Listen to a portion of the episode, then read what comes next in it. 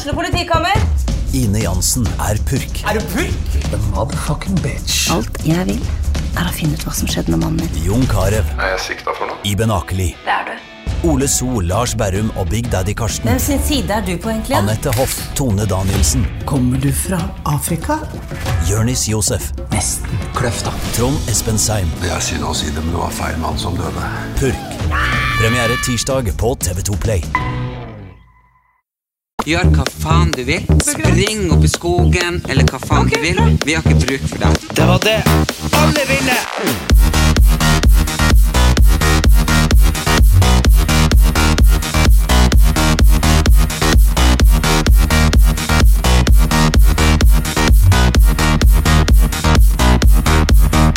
Hallo der, alle sammen som lytter på. Eh, Nå er dere sikkert rimelig lei av at jeg tar introen pga. et par eh, uheldige avbrudd han Erlend har hatt med sykdom og sånn. Eh, og jeg må bare si Vi skal ringe han Erlend, så han Erlend kommer til å være med i denne podkasten. her. Men når jeg sto utenfor her og innså at jeg kom til å måtte gjøre det her type alene, så hooka jeg med meg en gjest. Fortell litt om deg sjøl. Hei, hei. Ja? Jeg heter Taralina. Jeg er med i Årskjendis til vanlig. Ja? Du, faen, du liker Årskjendis, du. Ja, jeg er en av de som liker Å-kjendis. Ja. Men eh, jeg syns dere er funny, i hvert fall på Instagram. Jeg har ikke hørt podkasten deres. Nei, det er bra, bra jobba. Ja, Bra jobba. ja, ok, så dine interesser er Mine interesser er eh, internett. Ja, Eh, og så jobber jeg jo i ballongbutikk. ja, Eh, jobber i blomsterbutikk. ja. Og så har jeg også, det er veldig viktig for meg å si, ja. jobbet litt frilans innenfor TV. Ah, veldig kult. Bare for å, å bare eh, upper, upper meg selv litt. Ja. Men hvor mange er dere i Å-kjendis, egentlig?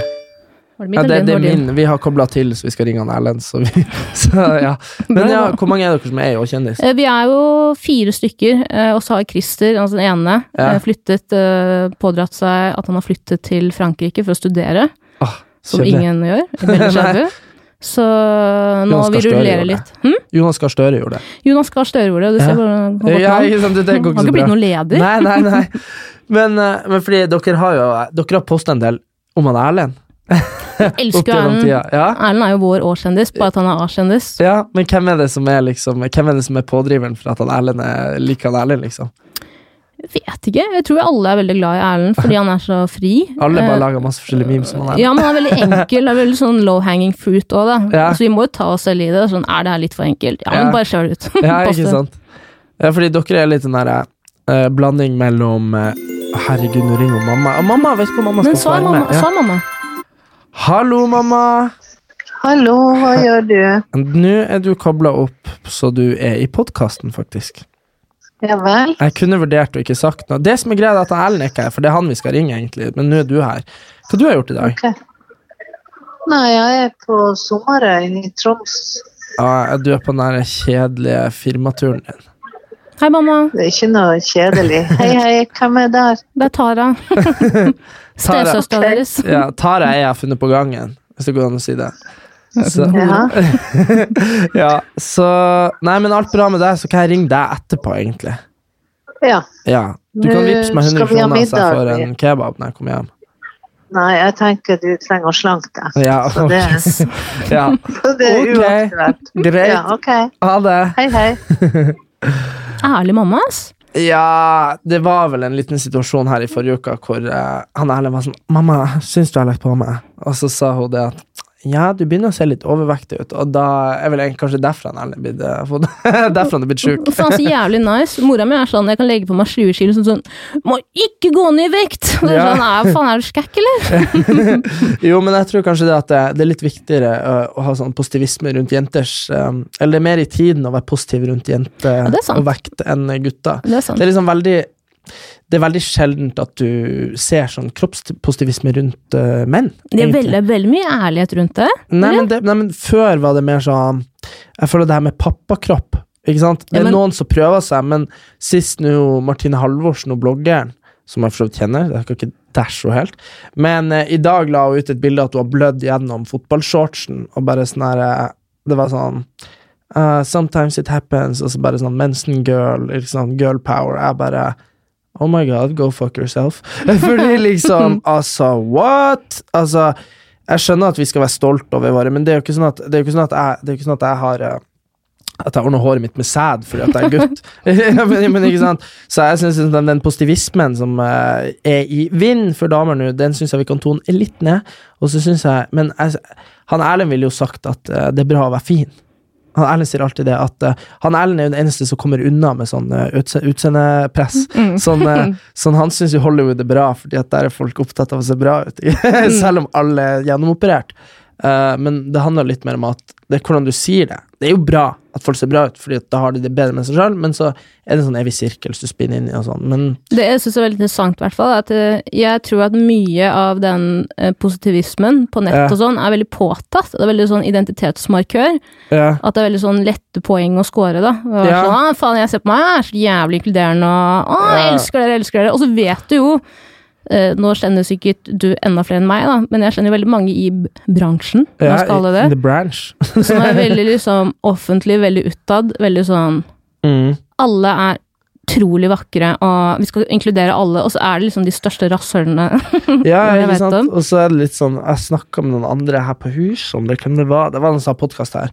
Og det var det at, eh, at folk At liksom det her at Jeg føler alle kan få valka hvis de sitter rett, selv om du har 60 fettprosent. Ikke sant? Mm, Men det er jo ikke noe poeng i å gjøre deg tjukk for et Instagram-bilde for å kunne være sånn Oh, everybody's a little bit fat. Eh, Så skjønner du? Det er liksom en sånn det er nesten en ukultur, hvor at uh, leger og sånn er jo litt der at Hvorfor skal vi forherlige usunne uh, liksom, kroppsbilder? Og jeg skjønner det at eh, vi, skal ikke, vi skal ikke være sånn at folk skal føle seg dritt fordi at de ikke er ikke modellpinn. Mm. Ikke sant? Det er ikke det som er poenget, men det er liksom ikke noe sånn jævlig bra å ha høyt kolesterol og slite med livsstilssykdommer i alder av 30, fordi at oh my god, livet er så herlig, jeg kan spise hva jeg vil. sånn, ja, det kan du, og så kan du dø tidlig. Og nå er jeg litt spiss, men det der er faktisk noe som uh, Det trigger meg litt, da, fordi kan vi ikke heller ha et sånn sunt forhold, at vi ikke må se ut som Ronaldo eller en toppmodell, men at det går an å være vanlig. Også, Ja. Fordi den vanlige pushes jo nå. I USA så er jo 30% av befolkninga overvektig. Det er liksom, det er vanlig. Og når du sier overvektig, så er det ikke noe sånn der Altså 30% er obese. Det er sånn De sliter i hverdagen fordi de er så feite. Så er det sånn Det er ikke bra. Og da er det liksom Men veien er mye Jeg føler veien er mye kortere hvis du skal være sånn hvis det skal være, hvis det skal være kult å være sånn halvtjukk, for å bli heltjukk, liksom. Men det, det jeg sliter litt med, jeg syns at det er når man driver og gjør narr av en normal kropp i tillegg, Ja, så blir jeg sånn Men fader, det er jo pisser jo litt på folk Mm. som har helt normal kropp, fordi du sier sånn Å, se på meg! Fy faen, jeg er så jævlig tjukk, ass! Ja, ja, sånn, ja. Nei, du har en, he altså, en helt gjennomsnittlig kropp. Du gjør den stygg med vilje. Mm. Ja, og så får du folk som har den kroppen til å føle at ja, ok, men det, det er liksom et komisk poeng, da. At man Ja, ser sånn ut. Jeg veit ikke, jeg er veldig eh, lite politisk korrekt, Jo. men jeg blir fort provosert, altså. Jo, men tenk på det hvis ei tynn jente som veldig mange Og det og det at hvis du er ei tynn jente og legger et bilde og er sånn Oh my god, ser jeg òg feit? Så er det litt sånn Hva i alle dager tenker de som er tjukke? Men ja, men det her er litt interessant. Skal vi ringe han Erlend og spørre? Ring Erlend, ring Erlend. Skal vi se. Han Erlend med lungebetennelse Greit at han Erlend har lungebetennelse. Han bronkitt, liksom? mm, jeg, vet, jeg vet ikke hva det er, men han eh, skulle i hvert fall på sjukehuset og alt mulig. Så Oh, ja, så det er ganske seriøst? ja, så på- Poenget bare det at uh, vi har jo livepod på fredag, så nå er liksom bare min jobb å play han og ta hensyn, sånn at han uh, Sånn at vi er der på fredag. Mm. Men det er vi, så det er ikke noe å være bekymra for. Ring han nå, da. Ok, nå ringer vi. Bronkitt Erlend. Erlend Bronkitt. Du har runkitt, Erlend. Runka på seg bronkitt, Erlend? Nei, det er jo ikke helt bra hvis man har gjort det. Ja, Hallo, nå har jeg fått en gjest i studio, du må hilse. hallo, hallo. Hei, hei. Hei, hei. Ja, du, dere må Har Hvem dere du er? snakka? Nei, jeg tror ikke Nei. Hei, Erlend, det er Tara fra Årskjendis. Å, årskjendis. Så hvordan er det med å snakke med en A-kjendis? Ja, nei, Så koselig. Hva dere satt og prata om? Jo, det var nettopp det. Vi driver og snakker om sånn eh, kroppspositivisme. Folk som liksom legger ut bilder av at de er så tjukke og sånn. Hva vi syns om det, Erlend? Det er, ak det er rart. Det er akkurat Jeg, orker ikke si navn nå som jeg, jeg så på Instagram, så lagt ut liksom eh, magen sin. Ja. Og så var det bare sånn yeah, yeah. Men så tenker jeg Var hun gravid, eller er det bare sånn at hun hyller de som har mage. Ja, det er litt vanskelig. Men, Ja. men eh, det liksom, som er problemet vårt, er liksom det at hvorfor skal vi liksom hylle et bilde som ikke er bra for folk? Skjønner du? Og, og, og, og de som er tynne og liksom gjør seg feit, de gjør egentlig bare at folk føler seg verre, som faktisk er tjukk. Jo, men liksom eh, Du ser jo folk med sixpack og eh, ting og tang hele tida, som driver og legger ut bilder hele tida, og, og tynne kropper, silikonpupper og sprettrumpe. Mm. De legger ut bilder eh, hele jævla tida. Ja. Er det du som får melding, eller? Ja, det, jeg, har, jeg vet ikke hvordan jeg skrur av vibrasjoner, men ja, jeg skal prøve å finne ut Du går inn på innstillinger, og så tar, slår du det av. Så enkelt er det. Innstillinger, og så ikke forstyrr, kanskje. Ja. Ja. Sånn, ja. Der har vi det. Ok, good shit. Jeg kan Ja, skru av nettet, men Ja. Jeg mener liksom, det er jo faktisk mer frustrerende at de driver og legger ut sånn deilig kropp hele tida. Ja, det er jo en deilig sånn motvekt, da. Det er jo det. Men jeg bare føler at det er så jævlig mye på begge sider. Kan ikke folk bare drite i det? Jo, men samtidig så tenker jeg det det er så mye kroppsfokus i det hele tatt. Det er bare tenker Jo, liksom men, at ja. men jeg, jeg klarte jo å nevne det at eh, Fordi jo mamma klarte å ringe før vi rakk å ringe deg, og så sa mamma at jeg ikke fikk spise for at jeg begynte å bli tjukk. Og så Og så sa som du tok opp på baden. Ja, og så sa Og så sa liksom jeg at uh, Hun bare 'Så hyggelig mor du er'. Og så sa jeg liksom sånn at ja, fordi han eh, Erlend har jo også spurt henne 'Syns du jeg ser eh, bra ut?' og sånn, og så hadde hun sagt at 'nei, du begynner å bli litt overvektig'. Så Nei, så ikke du begynner å bli overvektig', hun sa Du er blitt veldig overvektig. Herregud. ja, Så jeg vet ikke, kanskje det er der vi må adressere kroppspresset først, i vår egen familie.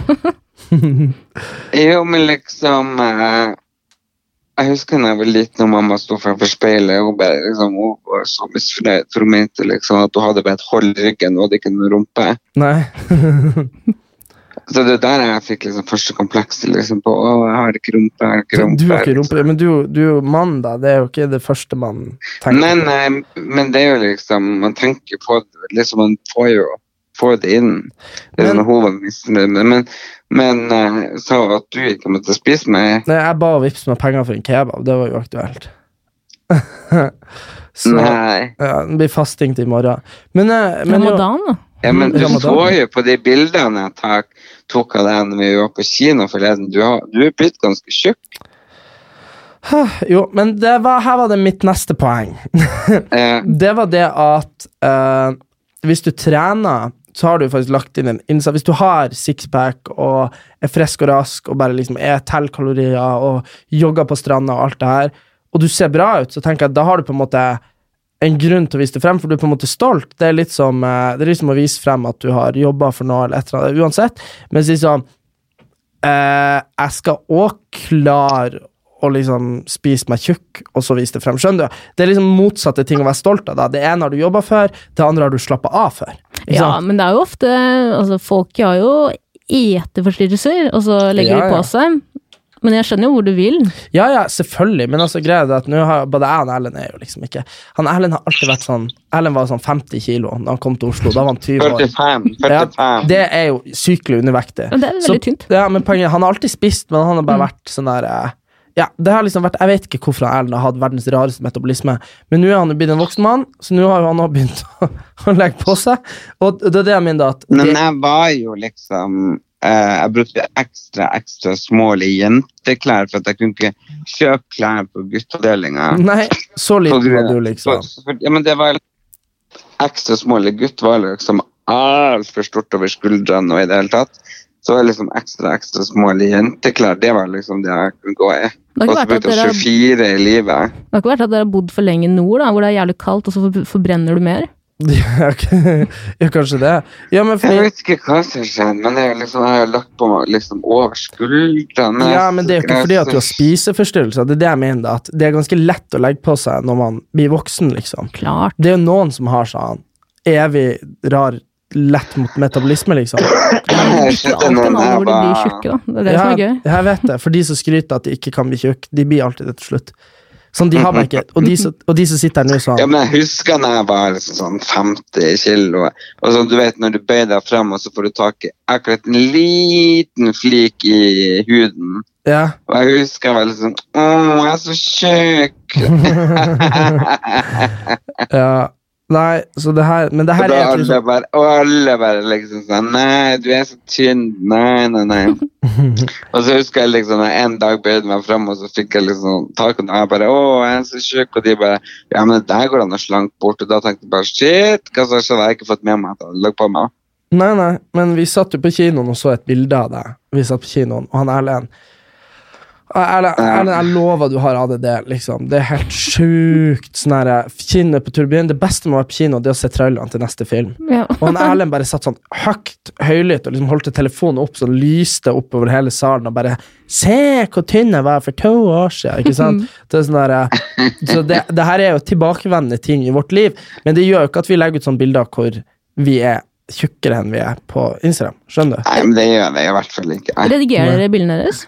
Nei, men det var en gang Det var, det var en gang jeg hadde photoshoppa armene mine til å bli dritsvær på en sånn Ja. der body edit. Du kunne betale fem kroner per muskel og sånn. og, så, og så så var det noen, jeg tror det var Mats Hansen, som så det. Og så skulle han, la han det ut, og da var jeg dritkjapp med å endre liksom, teksten under bildet til ha-ha, prøvde meg på Photoshop. Oh, ja. det er jævlig Så. Jodel var sånn, så Jodel var sånn Herregud, det er jo selvironi. så Men Men jeg har jo photoshoppa deg på et bilde. å, fy faen. Han Erlend uh, photoshoppa meg til sånn polsk transvis- transvisitt en gang på julaften. Det var så jævlig sjukt. Og te tenk, tenk, det er jo én ting å redigere deg sjøl, men når du redigerer nesa på broren din mindre på et bilde, det er du faen meg sjuk i hodet. Faen, altså. Ja, det var, det var sykt. Det, det, det, åh, det er fortsatt der, tror jeg. På Facebook. Ja, ja, det er det. faen, Nytt altså. proffa? Hmm? Nytt proffa? Proffa, hva er proffa? Profilbilde? Eh, Nei, nei.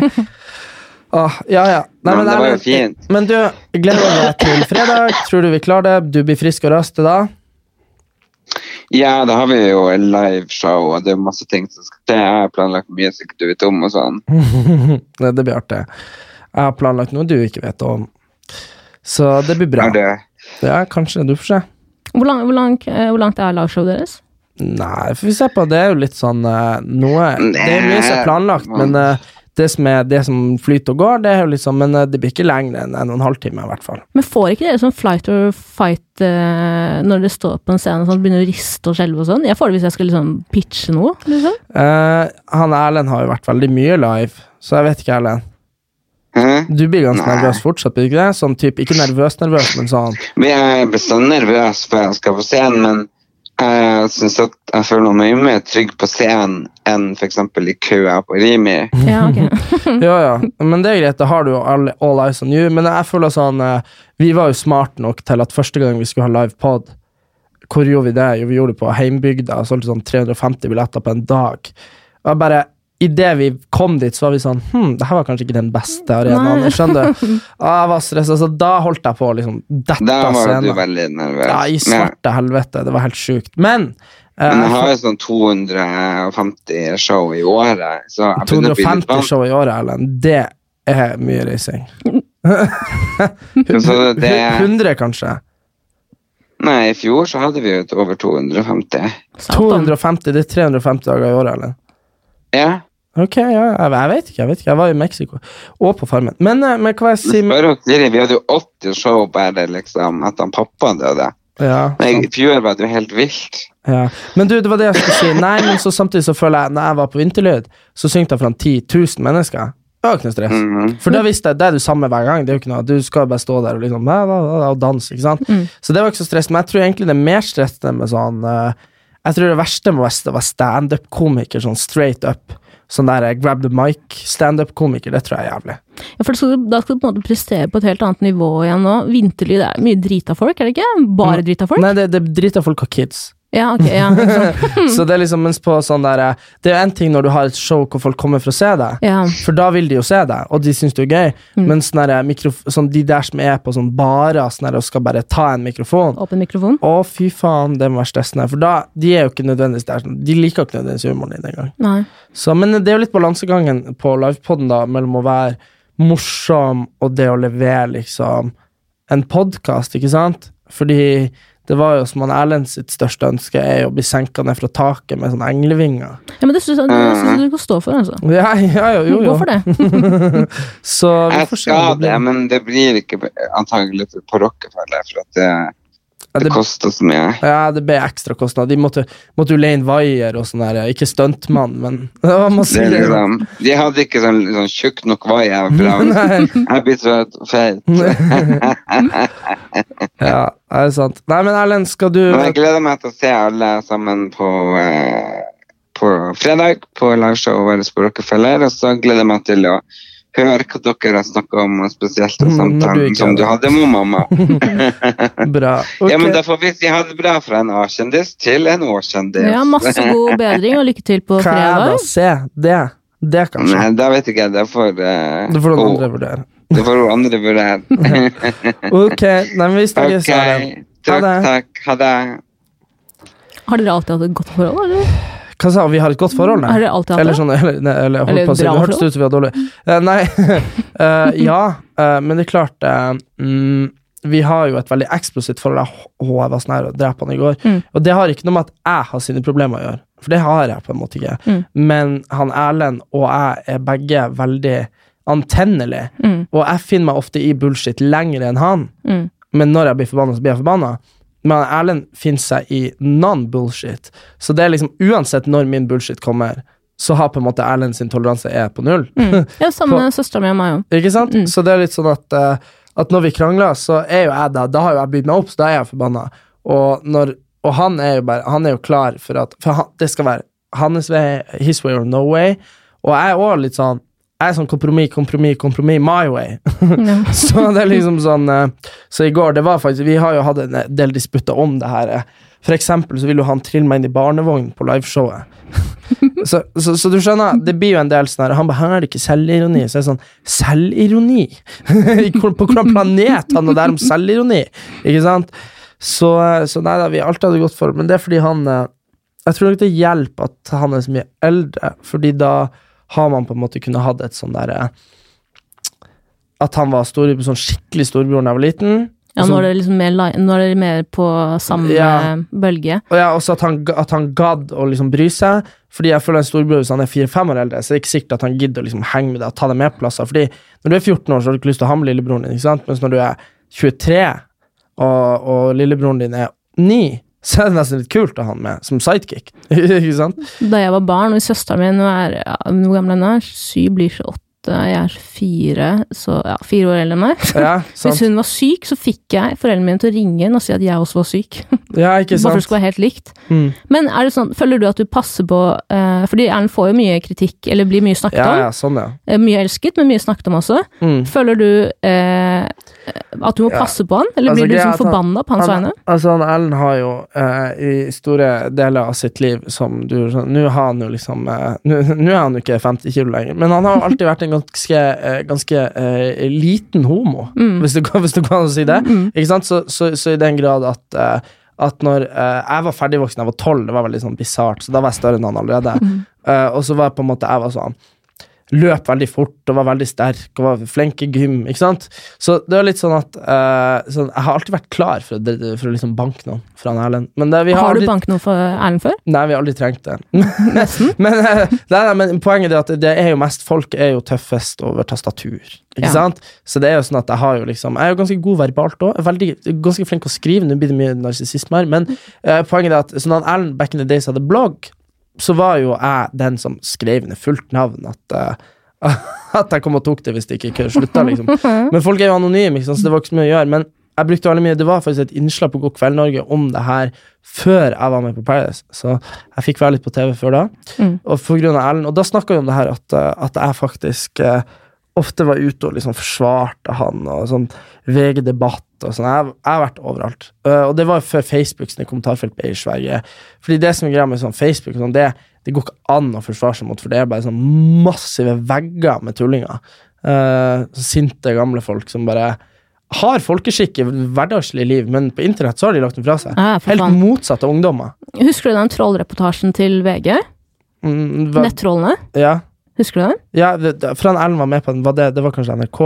For de hadde en sånn her de skulle chase out the trolls. Ja, stemmer det, men det var kanskje Trolljegerne på TV3? Ja, det var kanskje det, for da oppsøkte de jo trollene. og Ja, sånn ja, nei, TV2 var det. Faen, det var Mm, det. ja. Ja, samme faen. Ja, fordi han Erlend, det er i hvert fall det som er så kritisk med det trollet de fant.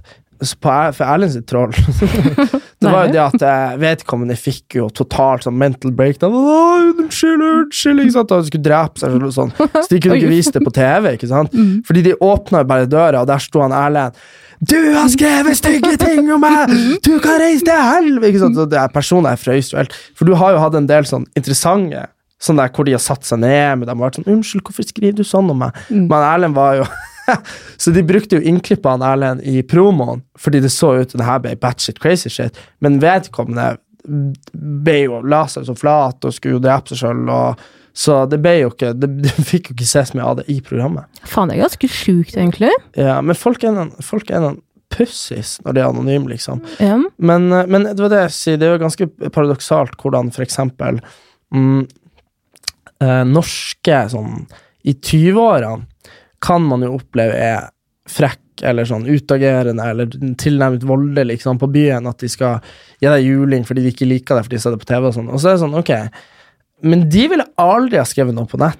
Nei, det er det, men de tar det gjerne face to face. Men Ja. det vil jeg spørre deg om, fordi du har jo eh, blitt elsket og hatet av mange. Ja. Eh, og du må jo eh, Altså, du tar jo det på din egen kappe, eller du stikker jo ikke under stol, at du har liksom provosert jævlig mye på TV. ja. Men du er jo en hyggelig fyr, og jeg skjønner denne Man leser jo deg veldig fort når man møter at du er en ålreit fyr, men hvordan er det for deg å bli drapstruet og truet med å banke på byen? Er det Ja, hver gang du nei. drar ut på Solli, liksom? Nei, men det er litt sånn her eh, Det er veldig forskjellig. For eksempel, hvis du drar på Heidis Men der er du jo kongen. Ja, men der opplever du at folk er så sykt mye altså, For Hades er jo liksom, typ, eh, liksom den mest harry plassen å dra ut i byen. Mm. Men det er også der folk drar hvis de ikke kommer fra byen. Skjønner du? Ja. Fordi Hades er i alle byer. Det er? Fridays, liksom. Det er litt, ja, Fridays, liksom. Forferdelig jeg hater Fridays. Jeg Men elsker Fridays. Verst jeg vet. Brannfakkel, vet du hva? Fridays og, og hva heter det, Egon, jævlig god mat. Egon er greit. Trashy, trashy, men jævlig god mat. Ja, nei, Fridays, altså, jeg spiste liksom to ganger på Fridays på Karl Johan, og så var jeg sånn her, det her er noe fette riv ruskende galt. Så viste det seg jo at de hadde liksom rotter på kjøkkenet og lagra kjøttet. Og liksom, var rotter. Ja, ja.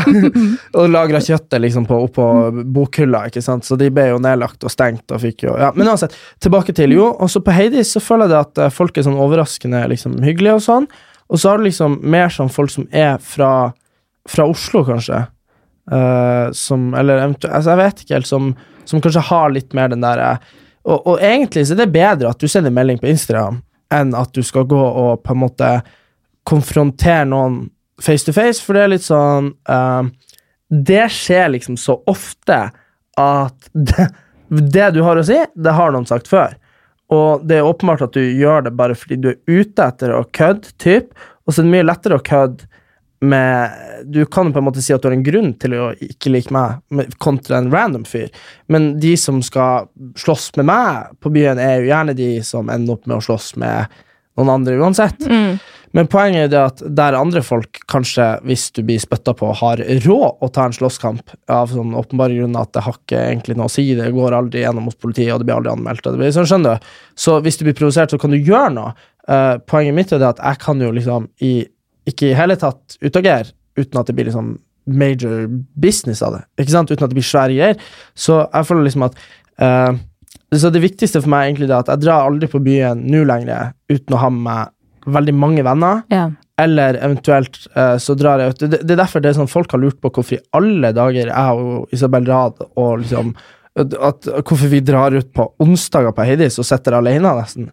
Men det er nesten litt sånn at du drar ut med de fem personene du vil være med, og så har man det fett i lag, og så kan man dra. For det er jo veldig mange som er lei av Oslo på lørdager, fordi det er så stekt, Men så kan du se for deg at det er stekt bare at du ikke får liksom at du ikke får liksom fred. Og det er liksom Det å få fred Jeg skal aldri klage på Nå ranta jeg på pilotfrue, for hun driver og klager på at folk tok bilder og snikbilder. Så jeg er sånn der, For det første, jeg tror ikke så mange tar snikbilder av deg. og for det andre, det er det her du lever av. Ikke sant? Så liksom, slutt å klage på det. Så jeg blir aldri klage på oppmerksomhet, men det er derfor jeg kanskje er litt sånn Jeg er sånn er litt for hyggelig på byen. Mm. sånn, det er liksom folk som sier sånn helt sinnssyke ting, og så bare smiler jeg. Men jeg, det var en fyr i helga som var veldig merkelig, faktisk. Hvor var det på, hvor Ja, Det var på på Heidis, men han hadde på seg dress og slips på Heidis, som er sånn utrolig consensus breach. Veldig pretensiøst. Ja, og så gikk sånn, dressen er fra Dressmann òg, så tenker jeg sånn eh, Hello there! Så, men eh, det var en fyr som kom, og så var han sånn Hei! Og så var sånn «Hei, Nå nå identifiserer jeg deg, sånn det. Vi ble venner, så det har ikke noe å si. men poenget var han var sånn Hei! Så var jeg sånn Hei, og så var han sånn Ja, du, eh, eh, onkelen min er han Frank Løke. Og- Ja, og han ikke sant? holde Hold unna. ja, ikke sant? Og han Frank Løke er jo en fyr jeg har eh, Jeg utfordrer han til for Han skal være som mannemann, og det er ingenting å si. Det som irriterer meg mest, er mennemenn. Ja. Ikke sant? Men det, men det som er gøy med Frank Løke òg, eller ikke gøy, det er, altså problemet med Frank Løke er at han har tatt på seg en sånn rolle hvor han tror, for han har så mange yes-mans, sånne harry yes-mans rundt seg. Mm. Det her er jævlig gøy. Bare fortsett sånn. Jo, og så tror jeg liksom at litt sånn innspoen Det er for, synd på han. for Frank Løke var Farmen kjendis, sant? Mm. Og så så du at han Lotepus lyktes veldig med å være som mannemann. Mm. Men det handler om at han har en sånn dybde i seg som gjør at han åpenbart er Han har vokst opp med at det er sånn. Det er genuint. I- Ikke sant, det er genuint. Men så Frank Løke er litt mer som en sånn uh, ser, Han er litt mer som en sånn huleboer som er sånn så er det sånn Mat, Mm. fitte, slåss. Ikke sant? Og det er det jeg mener sånn Det er ikke en mannemann, det er en huleboer. Mm. Mr. Frank. Og det, det, som er, det som er greia, er at når, når, når, når Og han har liksom slengt sånn med leppa. Så For eksempel, jeg og Erlend skulle sprenge på VGTV, og så skulle jeg løpe tre timer, som er helt sykt. Det var han Erlend som hadde ikke fortalt meg en dritt om det her før jeg kom, og så skulle han Erlend løpe én time. Og så Det her var rett etter Farmen. Og, så, og så da, når han Erlend løp, så var liksom han Frank live på VGTV og var sånn å, jeg skal vise han, han ødelegger alt, man skal løpe, han er en feiging, han er en pusling og sånn. Fordi at han Erlend klarte jo selvfølgelig ikke løpe en time, han måtte jo gå. og da er det litt sånn her, ja ja, ta, ta diss min eh, kreftsyke, eller sånn, overlevde jo da, men altså Erlend som hatt kreft og røyka i 16 av sine eh, 35 leveår. Mm. Eller Og så skal mer, sant? håndballproff komme Ja, og så- og så og skal en, sånn og så skal en sånn, sånn maniac 24-timers Han driver jo og sykler som 24-timersløp. Triatlon slash en av verdens beste da tidligere håndballspillere kom og disse at han ikke kan løpe en time. Så det er litt sånn der Ja, det er rasshøl. ja, ikke sant, du kunne, du, du kunne prøvd å ha Erlendsen Erlend sine da, Erlend sine år, 250 liveshow på et år, og så hadde man, folk hadde ikke ledd et ord, ikke sant, for han har ikke selvironi. Og det er det jeg mener at å, han står der, og når han da står og slenger dritt om broderen, og han er 1,90 og- eller 1,95 og mannemann, så er jeg litt sånn her, ja, jeg er kanskje 1,77, men dæven, du skal få juling! Så det er sånn her, så jeg utfordrer han Frank Løkke til sånn boksekamp og sånn her, han torde ikke svar, eller torde ikke, jeg vet ikke. men poenget mitt var, jeg var sånn her, nå tar jeg det. Men ikke på i bakgata, liksom. Og så, og så Men han svarte aldri, og så har jeg vært høylytt på det at han laga den sangen hvor han synger sånn herre du skal få bank hvis du er slank, om damer og sånn. Altså, jeg bare sånn, Hva er det her? Og, så bare, og så var folk sånn Folk slakta låta på musikalsk grunnlag. Så jeg er sånn eh, Det her er jo ei russelåt, bare at det ikke er russelåt, men null seremoni. Fra en 40 år gammel mann! Ikke sant? Det er ingen som reagerer. Og så kommer jo da han der fyren der, sånn, «Jeg er en onkelungen til han Frank Løke. Jeg bare, ok, hva, hva vil du, liksom? Jeg bare, jeg orker ikke noe bullshit. Han bare, kan jeg få sette meg og pra prate litt om broren din? Jeg bare, oh my god, herre Jesus. go, jeg bare sånn, ja, ah, ikke sant? Og så sa jeg sånn, nei, du får ikke lov å sette deg, det her er vårt bord, og jeg orsker ikke liksom, nå er jeg liksom med mine folk, og de som er hyggelige, og sånn, jeg orsker ikke snakke med Frank Løkke, det gidder jeg ikke! Mm. Nå gjør jeg det igjen da, men uansett. og, så, og så bare utartet det seg liksom til at det ble litt sånn der, eh, bla bla bla, bla bla bla, ikke sant? Så- litt? eh, Ja, liksom sånn at vi, men jeg tror liksom poenget er at det er alkohol involvert, ikke sant? Så, så vi mistolka kanskje hverandre og sånn her. Og så endte det opp med at jeg fikk han liksom fjerna derfra, og liksom det ble masse sånn der eh, Det var sånn folk som var sånn, gikk imellom, og sant, det var sånn. Og så, Det er ikke så ofte det skjer, liksom. Det avvæpnes gjerne tidligere, men denne gangen så var jeg sånn Jeg gidder ikke høre om det er fitteonkelen din. og så og så kom han jo etterpå og var sånn Hei, jeg får snakke med deg, bare. Ja, kom og snakk, ikke sant? Og så bare kom han og så var han sånn jeg skulle bare si jeg liker deg. Jeg bare sånn, å ja. Nå. Og så, men jeg vet ikke, kanskje han endra mening. Jeg, jeg har null peiling. Poenget var altså, Vi delte en drink etterpå, så var det koselig. Men poenget er bare det at du blir så sykt on alert, fordi det er liksom en reell Det er et reelt problem at, at folk har lyst til å slå deg. Fordi at om du var cocky på TV, eller om du var homo på TV, eller sånn. Så det er sånn, ja, du har satt deg i den situasjonen at folk kan mene om deg, men mm, du har fortsatt ikke liksom loven er loven, og, og ting er ting, og du skal ikke være slem med folk uansett. Jeg har aldri tenkt uh, mitt, altså, jeg har, aldri, jeg har aldri tenkt, hvis jeg har møtt en offentlig person, sånn uansett i mitt liv, at jeg liksom skal bare se han og være sånn Du er stygg!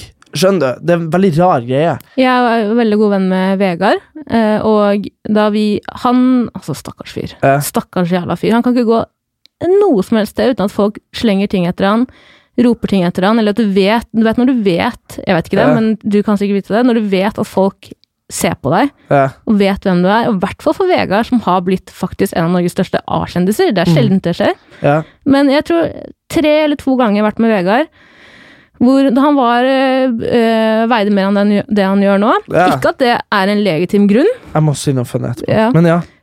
Ikke at det er en legitim grunn til at det, det folk har gjort. mobba, nei. Nei, men to ganger hvor folk har sagt sånn «Ja, det er Vegard Haug. Fy faen, så jævla slukk han har blitt. Ja. Eller jeg har fortalt meg at det har kommet voksne menn bort til han midt på dagen og tatt han på magen og sagt sånn Hva faen har skjedd med deg, liksom? Det er så synd. Jeg blir sånn Hva, hva faen er så faen Er du narsissist nummer én? Hvorfor hvor tillater folk seg å gjøre det? Ja, men det er akkurat det jeg mener at Men det, det, det, Og Vegard, stakkars jævla fyr, han er jo faen meg verdens mest hyggeligste og mest liksom Han er så konfliktsky. Han Ja. vil jo ikke gjøre noen ukomfortable. Og det er så vanskelig å, for han også Fordi han kan ikke være frekk, som du sier. Han Nei, kan nei, ikke si en dritt. tilbake. Det er han som kommer dårlig ut av det. Ja, ja, men alltid. Men det er det jeg føler da at du Men jeg, jeg kjenner meg jo igjen i det at uh, Du får et sånn rart forhold til folk du har sett mye på TV. For du føler du kjenner dem. Mm. Så det er nesten en sånn det en, Jeg tror det er en psykologisk greie. Fordi tenk bare hvor random, liksom I dag var jeg og tok eh, cover til min eh, Til nye utgivelsen min. eh, den nye sangen min. på, på Bygdøy, på, på stranda på Huk. Jeg skal spørre deg om noen apropos apropos musikk etterpå. Ja, og der, der var det bare sånn Sykt mye folk på stranda. Jeg bare Oh my god, hvorfor tenkte du ikke på at det er liksom, klokka er fire, og folk er ferdig på skole og sånn? Blir du selvbevisst da? Uh, Selvbevisst på hva? Altså, blir du flau? Nei, ja, men greia var jeg skulle stå i baris i dag og sånn, og ta Ja, bilder. Det skulle være sånn Vi gjør en litt sånn ironisk throwback-greie til kule Nei, men til sånn, til sånn kule sånn derre liksom, Du vet sånn uironiske covers. Ja. Som er sånn, du vet Det er veldig mange som har gått dit at de kjører sånn grafiske covers på platene sine, og sånn, fordi at de syns det er kleint å faktisk gjøre det ordentlig. Mm. Men jeg har liksom med meg en eh, sånn badedinosaur og en, ba og en ballong og liksom smiler i sola. Så jeg er sånn Det, det kommer ei sommerlåt, så bare This is the vibe I wanna sell, og liksom gjør det uironisk, liksom, men litt sånn ironisk, skjønner du? Mm. At det er liksom et sånn Ja, vi skal, det, du skal se på det bildet og skal tenke herregud, han kosa seg med den teite sangen sin. Men det var det jeg sier, at, at liksom du, du føler bare at eh, at det, det er veldig rart at alle de menneskene gidder å liksom løpe For det var liksom sånn 40, men det var mye unger, da. Men som bare kom bort og var Halla! Så det er sånn, Kan du tenke deg hvor langt de sitter inne for de fleste nordmenn og løpe bort til en random person og være sånn Halla! Mm. sant? Det er kun de der telefonen. De som selger sånne der, eh, greier på gata, liksom. Svenskene, mener du? Ja, ja, svensker. Men du, det var det Simon Vegard. Fordi jeg var der oppe for å gjøre mobilsnok med han for ett år siden, og da hadde han begynt å trene med Funkygine. Mm. Ikke sant? Som er sånn, ok. eh, men liksom, jeg var jo kom fra Mexico for tre uker siden, og hadde vært der siden januar. Drukket mye bire. Mm, ja, ja, nei, det var ikke det, liksom. Men jeg har ikke fått med meg det i det hele tatt. Og så, og så eh, i en sånn herre og, så- og så var vi Han beepa meg inn og sånn, eller han skulle beepe meg ut, en av delene. Og så jeg har ikke fått med at han Og jeg var jo i min boble når jeg kom hjem. Det, liksom, det var jo bare Paradise, Paradise, Paradise, Instagram, dame Ikke sant, alt det her. og så sto vi i heisen, og så var jeg sånn så var jeg sånn, da. For nå har jo jeg møtt han liksom et par ganger etter jeg kom hjem fra Mexico. Og liksom, han var hyggelig, og vi hadde gjort mobilsnakk og flira oss i hjel fordi han fant ut mye sjuke ting på telefonen min.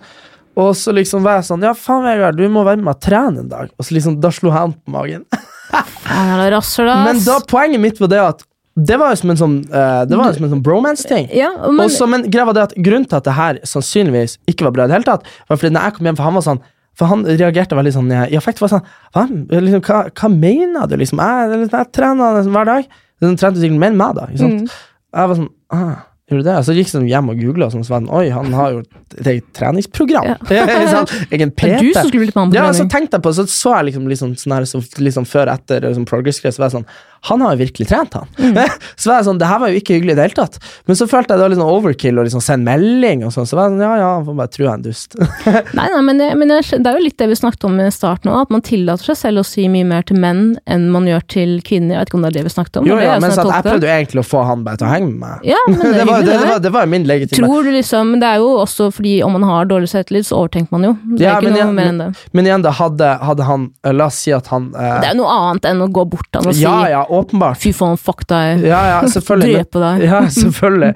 Men det er det jeg føler da at uh, hadde, Det her hadde vært en legitim inn for en gutt hvis han ikke hadde trent. Skjønner du? For da hadde det vært en sånn hei, you wanna hang out? Mm. Ja, det sant? sant. Basically. Så det er litt sånn der Så det, det skjer jo egentlig hele tida, at uh, folk er et sånn litt sånn overfladisk forhold til så kan de være sånn faen, du- skal ikke du trene litt, da? Så er det sånn, jo, jo. Så er det egentlig bare en inn for å henge, liksom. Er det sånn, nå er jo du Hvor gammel er du? 20, 23. Ja, 23. Jeg, sånn, jeg er 22, men jeg er født i desember. Så jeg føler at jeg begynte i barnehagen samtidig som de som er født i januar. Ja, okay. Så jeg, jeg føler at det at de har gått ett år mer i barnehagen, gjør de ikke noe eldre enn meg. Altså. Nei, så 23. Men du, føler du at du har et stort liksom, Har du mange gode venner, eller har du veldig mange eh, overfladiske Det er det som er så jævlig kritisk med meg, er det at jeg blir så mye bedre venn med folk enn folk blir med meg. Skjønner. Så jeg har sykt mange venner jeg elsker, og som er sykt nær meg. Og så har jeg liksom ikke tid i helvete ringt de nok til at de opplever den samme relasjonen like sterk. Okay. Sant? Så det er det som er at jeg har vært veldig sånn Livet mitt har vært en evig jakt etter noe større.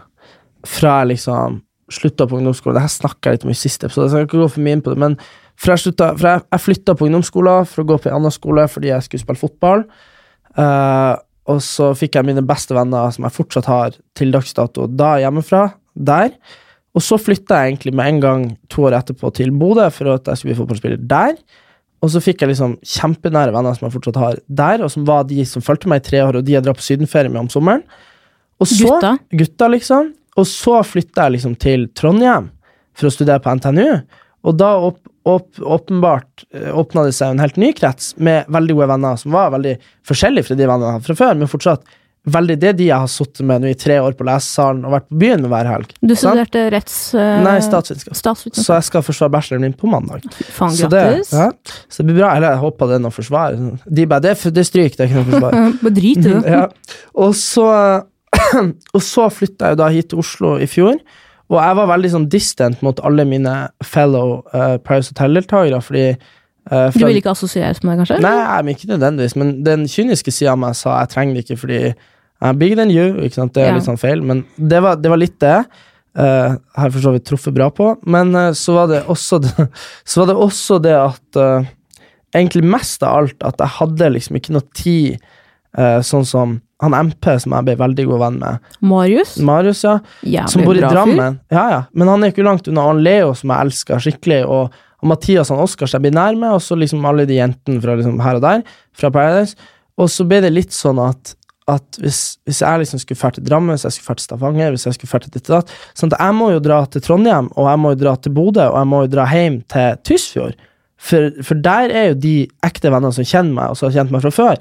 Så problemet mitt er bare at det blir helt sjukt mye venner, og det blir, og det blir litt sånn at jeg føler jeg flyr rundt omkring i landet for å play forholdene til vennene mine, og ringe folk og sånn, og så har jeg på en måte my shit too, liksom. Men føler du at folk ikke kontakter deg fordi de er redd for å Ja, De føler at du kanskje har at jeg har min shit, liksom. Ja? Så ja, nei, jeg hadde en venninne som ringte. Jeg ringte henne på T-banen og bare var sånn 'Jeg må løpe til podkasten, vi må få den ut nå'. Mm. Uh, og hun hadde da prøvd å ringe meg sånn fem dager siden. Det var tilfeldig jeg kom på det. Men da hadde jeg bare måttet trykke på opptatt, for jeg var i et møte. Og det er litt sånn Det er jo litt kritisk, fordi det er jævlig kjipt å miste folk. Og så er det litt sånn at, men så er det også greit å ha folk som er litt i samme situasjon, sånn som jeg er mye med han eh, Henrik Borg. Blodprinsen. Mm. The Blood Prince, ikke sant? Mm. Og det er fordi, for det første Sepsiskongen. ja, ikke sant? Så han bor på Bislett. Han har heller ikke eh, jobb eh, liksom åtte til fire. Han har heller ikke skole. Han har liksom Han kan dra ut på onsdager, og så kan han liksom være med og spille en podkast eller lage YouTube-videoer eller drodle med et eller annet på andre tidspunkter av dagen, ikke sant? Så det er litt sånn uh, det, det er veldig rart. Han Erlend for eksempel mente jo at jeg var så mye borte i høst og sånn, men jeg driver bare og styrer med hva enn det jeg styrer med, skjønner du? Ja, og så er jo livet faser. Det er jo ikke sånn at du må ha alt etablert nå heller.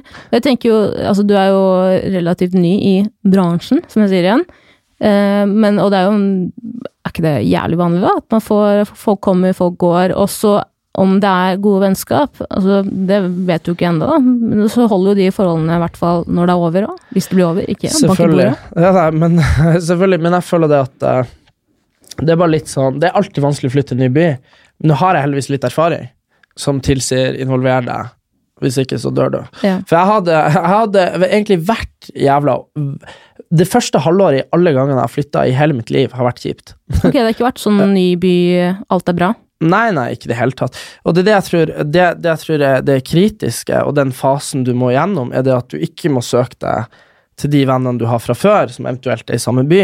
For det ser jeg veldig mange av de som kommer fra enten fra Bodø eller fra Trondheim eller et eller annet, og flytter til en ny by, og så søker de bare til sine gamle venner.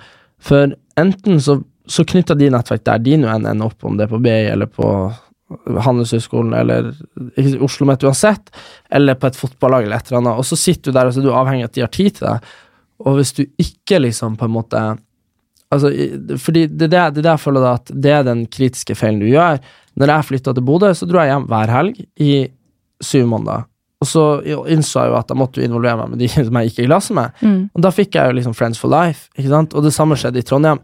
Først halvåret mitt i Trondheim. Altså, aldri vært så nært å skyte meg sjøl. Ikke sant, Det var så jævlig. Jeg var sånn Trondheim, da. Ja, ja, men det var sånn This was not what I imagined. Og så, første halvåret mitt i Oslo bare Det var andre grunner til at jeg ikke involverte meg så mye og liksom oppsøkte nye venner og sånn, men likevel så var det sånn at at du følte på en sånn enorm ensomhet, men den er der, og du må gjennom den, og så blir det sykt fett. For da, når du begynner å få deg en gjeng som er litt sånn at ikke for Jeg har alltid vært sånn at jeg har dratt folk inn, sånn at folk har nesten måtte blitt venner fordi at jeg er i midten. Mm. Men, men, når du begynner å få liksom en gjeng som er sånn genuin og unison, sånn at de henger med hverandre om du heller ikke er der, Ja, det er jævlig bra. Også. ja, det, det er det beste, for da har du på en måte en squad. Da har du flere du kan ringe som det naturlig er i lag, ikke sant? Og da har du liksom mer den her at du kan møtes uten at det må skje noe. For det er egentlig det verste at jeg var sånn Ok, jeg har han eh, Alex, eh, kjæresten til Martine Lunde, han kunne henge med, ikke sant? Og så hadde jeg kanskje han eh, Henrik, eh, blodprinsen, han kunne henge med. Og så, så skjønner du, det ble litt sånn han kunne henge med, han kunne henge med. Og så er det sånn Det er mye bedre når alle bare For du må jo trekke de sammen på et tidspunkt, og så Ja. se om de blir venner. Mm. Men så er det mye kulere nå når man på en måte For eksempel så har vi Vi har en gruppe på Instagram som heter Horer. Deilig. Og det er det Bare er, gutter? Nei, ikke i det hele tatt. Det er, og det var ikke guttene som fant på navnet engang. Men det Det var ordene? Ja, ja, det var, det var horen. Det er jo eh, det er Isabel Rad, og så er det jo Neva, og så er det han Mathias, han, eh, som, vært, han som var med for mange år siden, som var med igjen i fjor. Jeg tar med dritt, altså. Ja, sånn.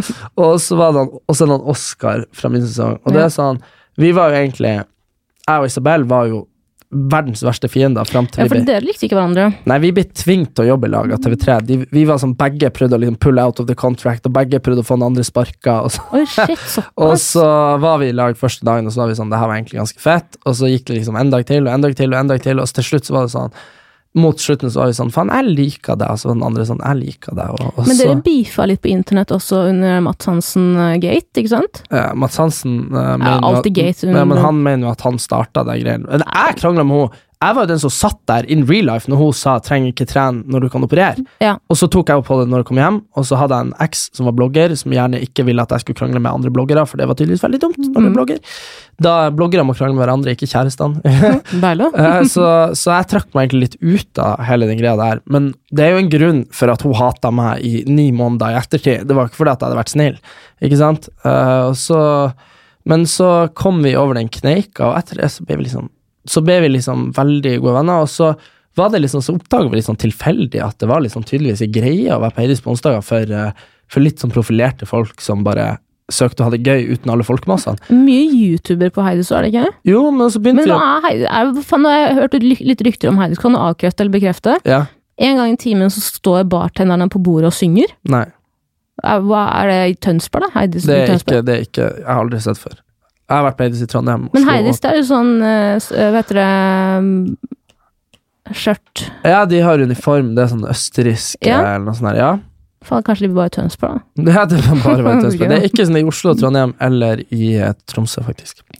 Og så har du Jo, men også Johan Petter Northug. Ja, han hadde- han, la jo, han la jo opp i desember eller noe. Mm. Og da vi var der i januar på onsdag, var han der hver gang. Så det var jævlig funny. Det var en gang vi hadde Jeg tror det den morsomste kvelden vi har hatt på Høydis. Da var det egentlig sånn at vi vurderte å dra hjem, for det var så lite folk. Da var det meg og Isabel, Mathias og eh, Oskar. Men så var han Ole Klemetsen i byen, Ja. og han var jo jeg på Farmen med, og han Chartersvein. Dreg, Elsker Chartersveien. ja? Jævlig bra fyr, eller? Og så uh, Chartersveien er en veldig mye uh, Det var bra at han fikk vist, han fikk, han fikk vist, vist, en, vist en dypere versjon av seg selv på TV, men eh, kanskje den var litt overfladisk dyp, hvis vi okay. kan si det sånn. Okay. Men uh, uansett Han var mye hyggeligere edru enn full. Men uansett. Mm. Og så var han Ole Klemetsen i byen, Chartersveien i byen, og så plutselig så fikk vi en sånn sykt rar merch hvor det på en måte var jeg som kjente alle. Og det er jo det gøyeste, Mm. når du har mange folk du liker rundt deg.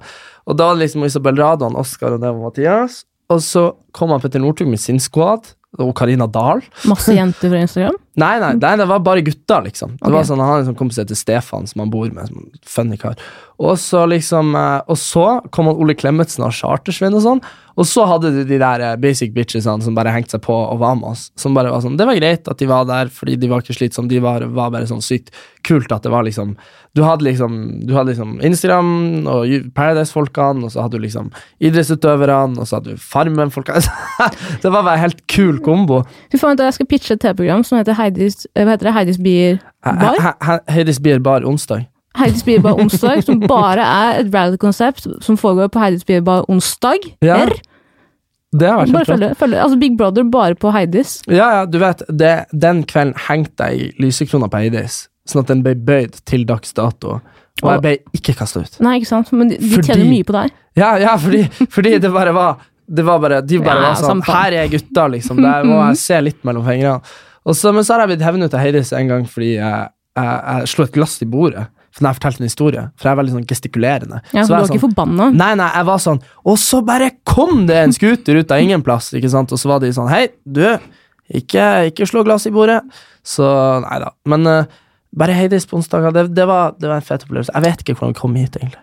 Nei, jeg, jeg har bare sett og hørt mye om Heidi, så jeg vurderte å dra dit. Men jeg, jeg vet jo, jeg er ikke, altså jeg er ikke deres klientell. Men det ser jo veldig gøy ut. Men er det litt som Nå blir det veldig Oslo-snakk her, da. Men er det litt som eh, Horgans? Nei, nei, eller Har du blitt, har du blitt eh, banket opp eller truet på Horgans? Nei, men jeg har vært veldig litt på Horgans. Greia er at jeg har, eh, jeg har halv pris på alle Rekon-plasser i hele Norge. Fy Og Danmark. faen, storkar. Så, nei, så det er liksom eh, Det er en ting om jeg hadde vært obligated å dra dit, men eh, jeg tror at det er veldig bra for sånn For det første, du kan være mye mer show-off og liksom være sånn spander på folk fordi du koster halvparten så mye. Mm. Så du kan Ja, det du tror, da, men du bruker jævlig ja, du penger. bruker mye, ikke sant? Så, men samtidig så sparer du jo mye om det faktisk er sånn at du kjøper tre øl, og så blir det liksom 110 kroner. Så, og så, men jeg har på en måte lurt meg litt i det kortet. Det er litt sånn spesielt. Jeg aner ikke helt hvordan jeg fikk det, men jeg fikk en kompis som hadde en kompis, og så bare gikk det. Så det, for det er egentlig, det er egentlig sånn eh, bransjekort som du har hvis du jobber der, men det mister du hvis du slutter å jobbe der. Men, men det, det, det gjelder på så. Uh, men så er jo jeg så Folk er sånn 'Å, er det derfor Paris Hotel-deltakere er på NOx?' Men jeg er den eneste Paris Hotel-deltakeren som har det. Men har du fått kortet til noen som har slutta å jobbe der? Nei, nei, nei. Jeg har fått, jeg har fått det ut av liksom, det selskapet som driver alle de utstedene. Det er disse ISM òg. Du har hørt om ISM? Du sa Isat. Nei, Isat. Har du sett Isat? Eh, jeg har sett første. Dritbra film. Jævlig Er, er det to? bra. Ja, er det ikke? Nei, Jo, det- toeren har kommet nå. Jo, jo. Hva? Ja, Har ja. han eh, Leon Bashir stått opp fra de døde? Er ikke Leon Bashir alltid Leon Bashir var Alle filmer som er i pakistanere? ja, altså, Leon Bashir ga jo meg årets uh, skuespiller på Paradise Hotel. Gjorde han? Ja, vi hadde skuespilleruke. Stemmer det, for faen! Leo. Ja, ja, helvete, det var Mm. Det- den legendesesongen. Ja, du har, ser på Game of Thrones? Eh, ja, jeg ser på Game okay. of Thrones. Det er Paris Hotel sin ekvivalens av plot armor, at jeg fikk den. Fordi i den grad Paris Hotel er rigga, som jeg mener det ikke, så, så er liksom at jeg fikk den, var veldig betimelig, for den uka, uka hadde jeg så evig røke hvis det ikke var for den der jævla prisen. For Men- den gjorde at jeg ble låst. Jeg er med i en annen podkast som heter 110% Paradise. Har du hørt Ja, om den? ja det har jeg. Har du blitt snakket mye om? Jeg Har aldri hørt på den. Nei. Nei. Jeg, jeg bare sier at jeg er nytt medlem, så Mm. alt som har blitt sagt tidligere, kan ikke jeg stå inne for. Nei. Men jeg vil bare, jeg vil bare spørre deg litt om Paradise Hotel. Savner du tiden inne på Ja, hotellet? ja, ja. Vil du si at det er en av de beste periodene i ditt liv? Ja, men ikke av hverken konsept eller noen ting, men det handler om uh, betimelighet. Og det at, uh, det at du faktisk, i en sånn utopisk situasjon hvor du skulle legge fra deg telefonen og bare leve et liv uanstrengt av påkjenning utenifra, og så adder du på spenning som er liksom ekvivalent av en Jason Bourne-film, Mm. og så ser du for deg at du da lever det livet på ei solseng i Mexico med gratis mat og drikke i to måneder, og så forteller du meg at det ikke er en av de feteste opplevelsene i livet ditt. Nei, ikke sant? Det, det var så jævlig deilig, og det her har jeg også snakket om før, men liksom i forhold til Farmen kjendis, for eksempel, som bare åpenbart var en sånn flott opplevelse, det var hyggelig, og bla, bla, og fine folk og sånn. Men det var litt det her at hver dag var spennende, det kan man ikke si om Farmen, eller hvis du syns det er spennende å bygge gjerder, så ok, men, men det, det er det jeg mener, at det var veldig spennende, det var veldig gøy, og, og det var liksom du glemte, Jeg glemte av at de hjemme liksom, at de fantes, nesten. Jeg Mm. tenkte jo litt på dem, men jeg ante jo ikke hva som skjedde. ikke sant? Mens på Farmen så, så satt jeg der egentlig og bare tenkte på det hjemme. Ja, og på Farmen tenker jeg du kan ikke distansere deg på, fra det på samme måte.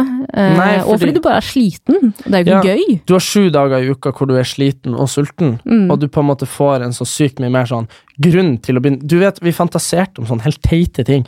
Sånn 'Å, når jeg kommer hjem, skal jeg spise så mye kanelboller', som er noe jeg ikke i det hele tatt craver i virkeligheten, Mm. liksom.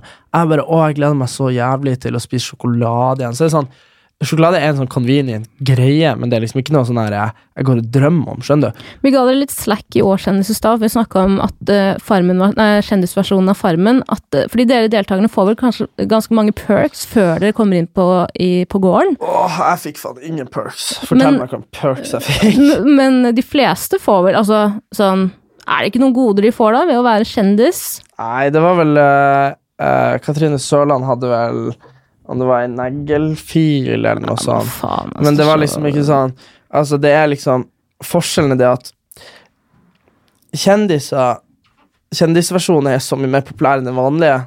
Fordi det er så mye gøyere å se folk du har et forhold til, utagere, eller Ikke sant? Ja. Og da følte jeg liksom at uh, Kjendiser hadde aldri gjort Vil ikke gjøre det her, egentlig. Og så sier du sånn Ja, men det er sikkert mange som vil. Men så sitter folk allerede og klager over at de er så lite kjendis de ser med hvert år. Så er det sånn Tror dere ikke at han Ari Behn er spurt? Liksom, tror du ikke de største Tror du ikke han Aksel Lund Svindal og han Petter Northug og han Vegard Harm og de her er spurt? Selvfølgelig er de spurt. De vil ikke. Men de, selvfølgelig, de vil jo ikke utsette seg for noe sånt her, for det som i deres lommebok er småpenger. Mm. Og likevel så får du ganske mye penger, altså. Jeg har levd et helt år på pengene jeg fikk fra Farmen. Fy faen. Og du fikk Peppes. Ja, og jeg fikk Peppes. Så, så det er bare det Egen YouTube-video om det, forresten. Men uh, poenget mitt er på det at, uh, at det bare hele den greia der at, at du kan, man kan ikke klage på at jeg, jeg, Hva jeg fikk med inn, egentlig? Jeg fikk ikke med noen ting. Erlend fikk heller ikke med noen ting. Han smugla inn masse greier. Men eh, liksom, han hadde sukkerbiter sydd inn i klærne og sånn. Fy faen. Ja, så, men det er liksom sånn De som har meldt seg på vanlig Farmen, er jo bare sånn randomly folk som kan ta fri tre måneder fra livet sitt uten at det har noen jobb liksom hensikt, og uten at det liksom er noe penger i det. Og da skjønner jeg liksom ikke bare Er du hjemløs?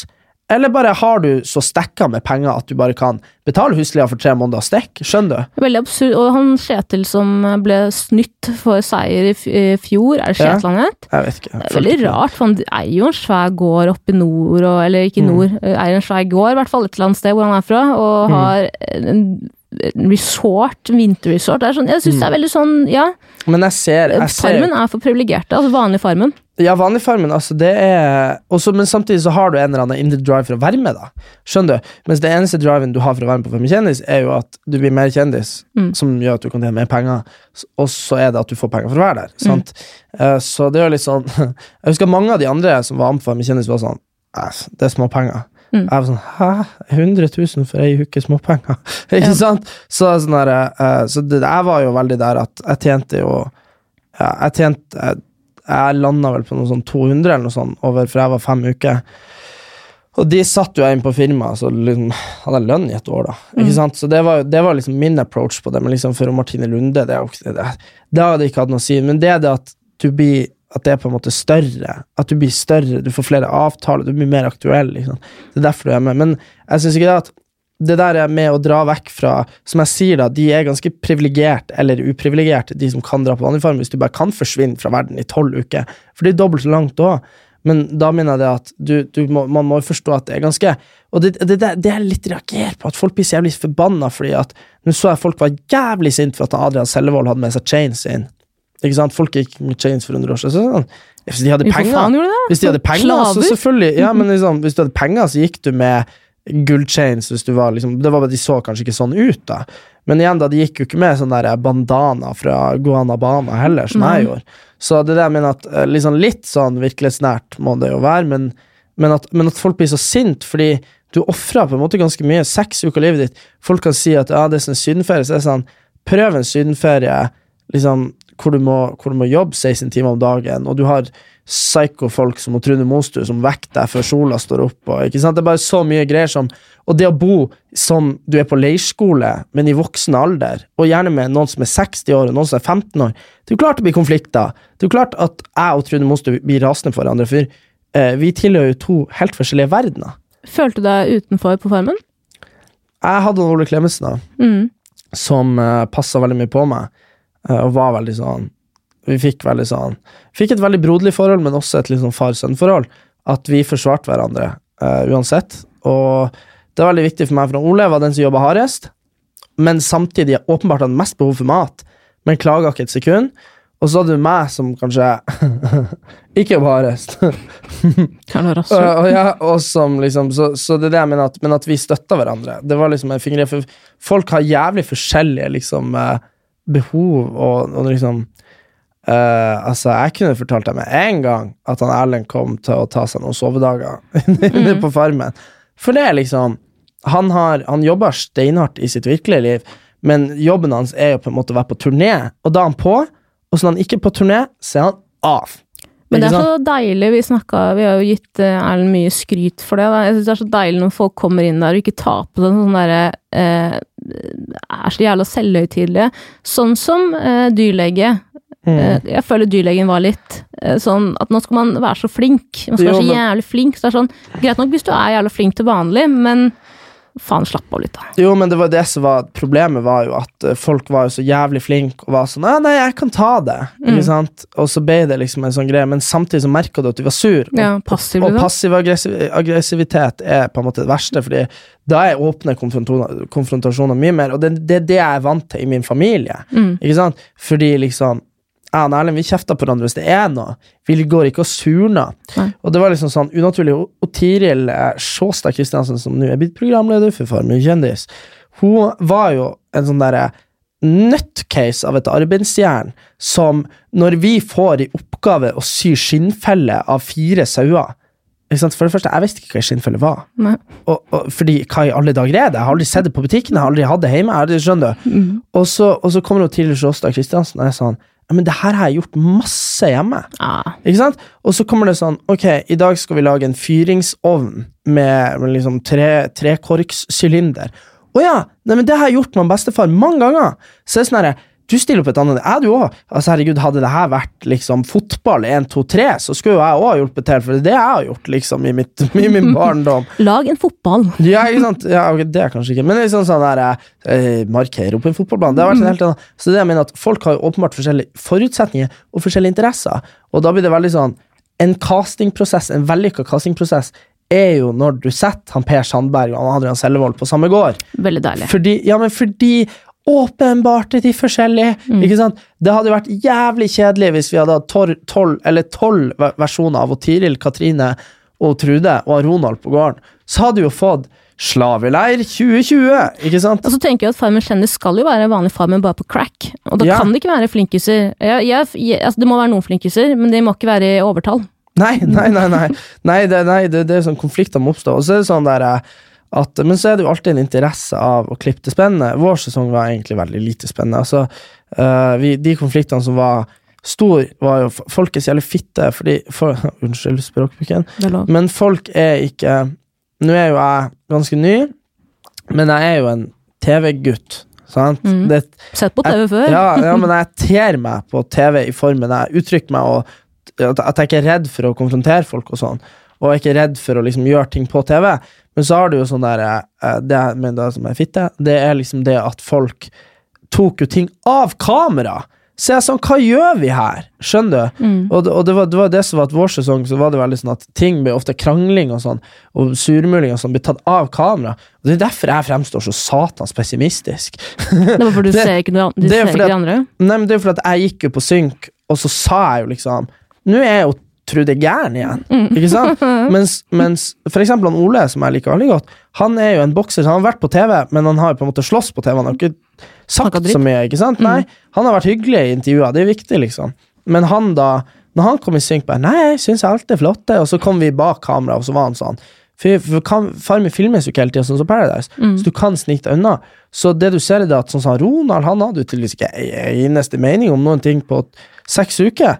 Og, og dermed så blir på en måte karakterene blir liksom tilklippet. Altså hvis jeg var den eneste som ytra meg med noe negativt eller noe kriti kritisk, så var jeg den eneste som sutra. Altså alle var sånn Faen, sutreunge. Så sånn Men det handla jo om at eh, alle hadde jævlig, typ. Mm. Men og Katrine Sørland tok liksom aske som øyenskygge og gikk og bare 'Det er så flott! Jeg er så glad!' Mm. Ikke sant? Og du er Uda Norges toppmodell. Top ja, ikke sant? Og så bare, bare Alle var så påtatt glad, og det er den verste formen for TV. Ja. Og det er derfor at, det er derfor at sesong eh, to var mye mer eksplosiv så lenge Erlend var der. Fy faen, Erlend eh, tok eh, det til et nytt nivå. Deilig, deilig, deilig.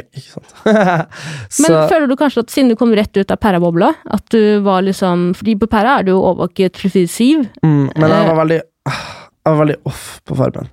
Fordi jeg var- du var mye sur, var du ikke? Jo, ja, men jeg var mye sånn Jeg hadde så, altså jeg tror jeg, altså, Det nærmeste jeg har vært å falle inn i depresjon. Fordi vi hadde jo en del sånn familiære sånn, sykdom og sånn. Mm. Og så hadde jeg liksom en uh, ekskjæreste som hadde fått liksom uh, konstatert at mora hadde kreft rett før jeg dro. Og så hadde jeg da en nylig fått kjæreste, og så hadde jeg liksom uh, hele det livet mitt som jeg følte jeg dro ifra, som jeg nettopp hadde fått, etter å ha vært to og en halv måned i Mexico. Ikke sant? Da skulle sant? du leve på det litt. Ja, men ikke bare leve på det, men jeg tenkte de kompisene jeg akkurat har vært sånn Hei, hei, hei, hei, ha det! Dro jeg på farmen igjen. Ikke sant? Så det var en veldig kunstig situasjon, og så, og så kom du på en måte Altså, det, det, det var så Det var så ekstrem overgang. Han Christer Rødseth, han kokken, han hadde bodd på bondegård i et par uker på forhånd for å akklimatisere seg. Ikke sant? Ikke sant? Og det er det jeg mener da forskjellen er. Den som hadde tyngst der inne, var jo kanskje Martine Lunde, men hun hadde på en måte litt tid, tenker jeg. Men jeg hadde liksom zero time til å forberede meg i det hele tatt. Og det var veldig, det var veldig spesielt, altså. Og du får et sånn savn på folk som jeg aldri har hatt før. Faen, jeg har aldri savna familien min og vennene mine så mye som der inne, og derfor så Det er klart at jeg var litt sånn Det, det er ganske belastende. Altså, psykologen sa det til meg at eh, Uh, vi har jo samme psykolog på Farmen som Perra. Samme dame som gjør det på alle. Hedvig? Hedvig ja, Montgomery. Og hun sa jo det at eh, jeg hadde ikke anbefalt det her for noen. Men jeg tror du klarer det, liksom. Men du skal være obs på at når du er borte, så kommer det til å være sjukt jævlig, og når du kommer hjem, så kommer det til å være like jævlig. Men hun sa jo det at for de andre så er jo bare du borte i seks uker. Det, liksom, det går bra. Men for deg, det er deg det kommer til å være verst for der inne. Men så opplevde jo jeg at det var liksom sånn Uh, liksom sånn Det som var kjæresten min, og sånn, syntes det var sykt jævlig at jeg dro. Og da blir det jo jævligere for meg. Ikke sant? Så det var bare en veldig spesiell opplevelse. Men hvordan var det for deg å komme ut igjen? Fordi jeg kjenner jo veldig mange som jobber med TV, og jeg kjenner mange som har mye fått mye oppmerksomhet, eller mye, mange influensere, eller mm. kall det kjendiser hvis du vil. Eh, og det er jo de mest deprimerte menneskene jeg vet om, nettopp på grunn av at eh, når du har sykt mye eh, oppmerksomhet rundt deg, du er veldig populær, og det å miste litt popularitet, popularitet igjen gjør deg så jævlig deppa. Hvordan, du har jo klart å opprettholde, deg, du har svidd mens det har vært varmt, og du har blitt ganske godt likt. Men fordi vennene dine var inne på hotellet, liksom, er det ikke Hva skjer med dem? Hva da? Eller har det De- vært mye sjalusi? Sånn, ja. Nei, altså Altså, alle har jo på en måte brent ut. Mm -hmm. uh, men det som har vært greia mi, er jo at jeg er jo res jeg er relativt ressurssterk. Mm. Uh, I form av at ja, det var jo egentlig ikke det her jeg skulle gjøre med livet mitt. Nei, og siden du skal ta en bachelor òg, er det på en måte Er det noe Ja, ja, altså, tilbake til? bacheloren, er jo, bacheloren er ferdig, den hadde jo vært ferdig for et år siden, og da hadde okay. jeg vært 21, ikke sant? Så da hadde masteren jeg var 23, som ikke, Det er det tidligste du kan få en master. Så det er liksom bare det at Men liksom, jeg har alltid, jeg har alltid hatt muligheten til å gjøre det jeg hadde lyst til, men så har jeg alltid vært veldig flink. Jeg, jeg starta liksom eh, Når jeg var 17 år, da var, da var jeg egentlig for ung, men jeg starta blant annet liksom å, for å tjene masse penger. Så begynte jeg å organisere sånn uh, fotballturneringer for voksne. For det er et marked for det, fordi at voksne har lyst til å spille fotball, men de har ikke lyst til å trene hver uke. De har lyst til å spille nei, en gang i året. Og så begynte jeg å gjøre det sånn regionalt og sånn. Uh, og det, da hvis du får sponsa maten, ikke sant, og så har du kiosk, og så har du påmeldingsavgift og sånn her, så jeg halvlea 4000 for ei helg, ikke sant, og så plutselig sitter du med sånn overskudd 40 000, ikke sant. Hvem er du? Men sånn, så det var sånn, så det, liksom, det høstla jeg på da jeg var 17 og 18 og 19 og starta eget Jeg måtte jo registreres i Brønnøysundregisteret som idrettslag og sånn, for da betalte kretsen for forsikring og ikke sant, sånne ting. Så det sånn der, de tingene her har jeg jo alltid vært sterk på, og så er jeg god å snakke, så jeg er ganske god liksom pitche ting og få gjennom ting og sånn her, men så er det jo det her med den der eh, Den motgangen i form av at du merker det veldig fort at det å holde seg genuint interessant som person er jo åpenbart mye vanskeligere når du ikke er på TV. Mm. Ikke sant? Det er liksom, og det er en struggle som jeg vet alle har kjent på, men jeg, jeg, jeg, du forventer den aldri. Skjønner du? Eh, Så jeg opplever det at det her med, det her med å leve av å være seg sjøl, er jo veldig mye vanskeligere når du ikke har på en måte en profesjon, for eksempel, eller for eksempel at 70% av mine følgere er jenter, ikke sant? Uh, og da er det liksom, hva, hva er du egentlig aktuell som frontfigur for, reklamefigur for? Og når du da, når du da på en måte egentlig ikke har noe sånn Altså, nå har jeg podkast, nå har jeg YouTube-kanal, nå har jeg jo uh, liksom mange baller i lufta, og jeg får jo heldigvis liksom jobba innenfor TV, liksom. Men det er på en måte ikke noe sånn egentlig noe sånn bærekraftig over tid, hvis du ikke har et produkt sjøl? Mm. Uh, og det er veldig sånn uh, du, du må egentlig være ganske mye større som mannlig influenser enn det jeg er, hvis du skal leve komfortabelt på det, og ha moral. For det er det som er så steike. Jeg har, har jo vært dritopptatt av å ikke ta betting. Jeg har vært dritopptatt av å ikke ta liksom, tamleking Og plutselig så sitter jeg der med Jeg har venner som er liksom, influensere på min størrelse. Det er bare det de lever av. Mm. De, den dagen kasinoene slutter å spy ut penger til dem, så er de fattige. Eller sånn, da må de begynne å gå på Nav. Uh, men jeg har jo liksom klart å styrt meg rundt, rundt det, fordi at jeg, jeg har gjort andre ting, og heller pitcha det at uh, det er ikke så mange ting jeg reklamerer for. Så Mm. det er liksom bare Kjør på med meg, så har du en liksom et brand som er liksom Det jeg reagerer på mye, er liksom bloggere som reklamerer for Lindex, uh, HM, uh, Nelly, uh, Junkyard. Så er jeg sånn herre Det går ikke an å ta det for god fisk. altså, hva, hva er det liksom du syns er kult, da, ikke sant? Så, Ja, altså integritet òg, da. Det Ja, men sånn- integritet, ja. Mm, ja. men, men det er ikke det at jeg, det det at jeg takka nei til alt som kom min vei, men det er bare det at faktisk det funnieste jeg har gjort i mitt liv, var en sånn dansk fyr som bare Som bare var sånn Hei, tar du for en story på, eh, på 15 sekunder? Mm. Jeg bare sånn, eh, Han skrev til meg på Instagram, jeg bare sånn Camelot. ja, jeg, bare, ja, jeg, jeg var litt sånn her uh, Nei, for min, på min profil så tok jeg liksom sånn 5000 eller whatever jeg tok. ikke sant? Jeg vet ikke, jeg hadde, jeg hadde mye engagement back then uh, i forhold til liksom det som er på en måte krisen akkurat nå.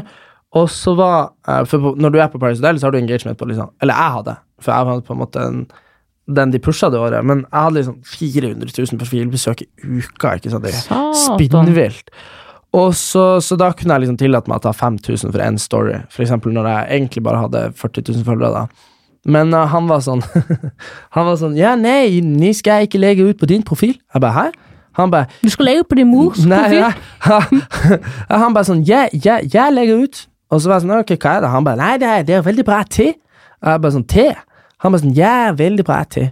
Og så bare fikk jeg sånn ja, Sånn manus. Så var jeg sånn Ja, hva jeg skal ha for det? Jeg bare sånn hva jeg skal ha for det? Ikke sant? Det er sånn Snapchat-film, ikke sant? Jeg sjekker valutakursen. Ja, jeg bare sånn Nei, jeg er 1200 danske, 1500 norske, da. Eller omvendt, eller hvordan det var. Så, så skulle jeg, kunne jeg spille inn 15 sekunder. at Det er jo beste minutt, timeslønn jeg hadde i mitt liv, ikke sant? Og så spiller jeg inn sånn eh, På norsk, da, for han skulle reklamere på det norske markedet. Jeg bare 'Halla, det er Erik her. Har dere sjekka ut eh, Green eh, Apple eh, Spicy Tea fra bla, bla, bla? Swipe opp, ikke sant? Forresten, har dere hørt om Kristiania i Danmark? Ja, drit i nei, det. nei, ok, ta det etterpå. Det var veldig dårlig. Ja, ok. Og low hanging. Ja, ok. Eh, anyway. Og da visste det seg at det her var jo Det var reklame for en slankete. Ja, selvfølgelig. Visste med en sånn te, hva faen. Var, så da, da sto jeg der og bare og jeg fikk sånne meldinger fra folk, for da hadde han betalt sikkert sjukt mye ads på Snapchat. Mm. Alle fikk den opp. Alle mellom eh, 13 og 30 år i Oslo-området, det var der han markedsførte det, fikk det opp. Jeg fikk så sjukt mye melding sånn Har du begynt å reklamere for slanke-te? Jeg håper du får mye penger for det. Hvem er du? Jeg var sånn, jeg var, jeg var sånn Hæ?! Så det er liksom det her med kritiskhet òg, men eh, Men er du bekymra for fremtiden? Du altså, når du står opp om morgenen, er du stressa? ja. I dag jeg står opp åtte, og så har jeg holdt på helt til nå. Du, men hva er du stressa over? Økonomi, eller? Nei, men det er sånn som i dag, da, så er det jo liksom Ja, men økonomi, men det er sånn Uh, Jeg har faktisk tatt opp studielån i hele år. Ja. Men uh, ja, ja, pluss, pluss, pluss, og så må jeg betale alt tilbake, for jeg går over hva jeg kan tjene i år. Mm. men, uh, men det som er greia, liksom Jeg er ikke bekymra for, for økonomien, men man blir bekymra for sånn her Nå har vi tatt noen heavy blows som vi ikke har valgt å snakke om enda.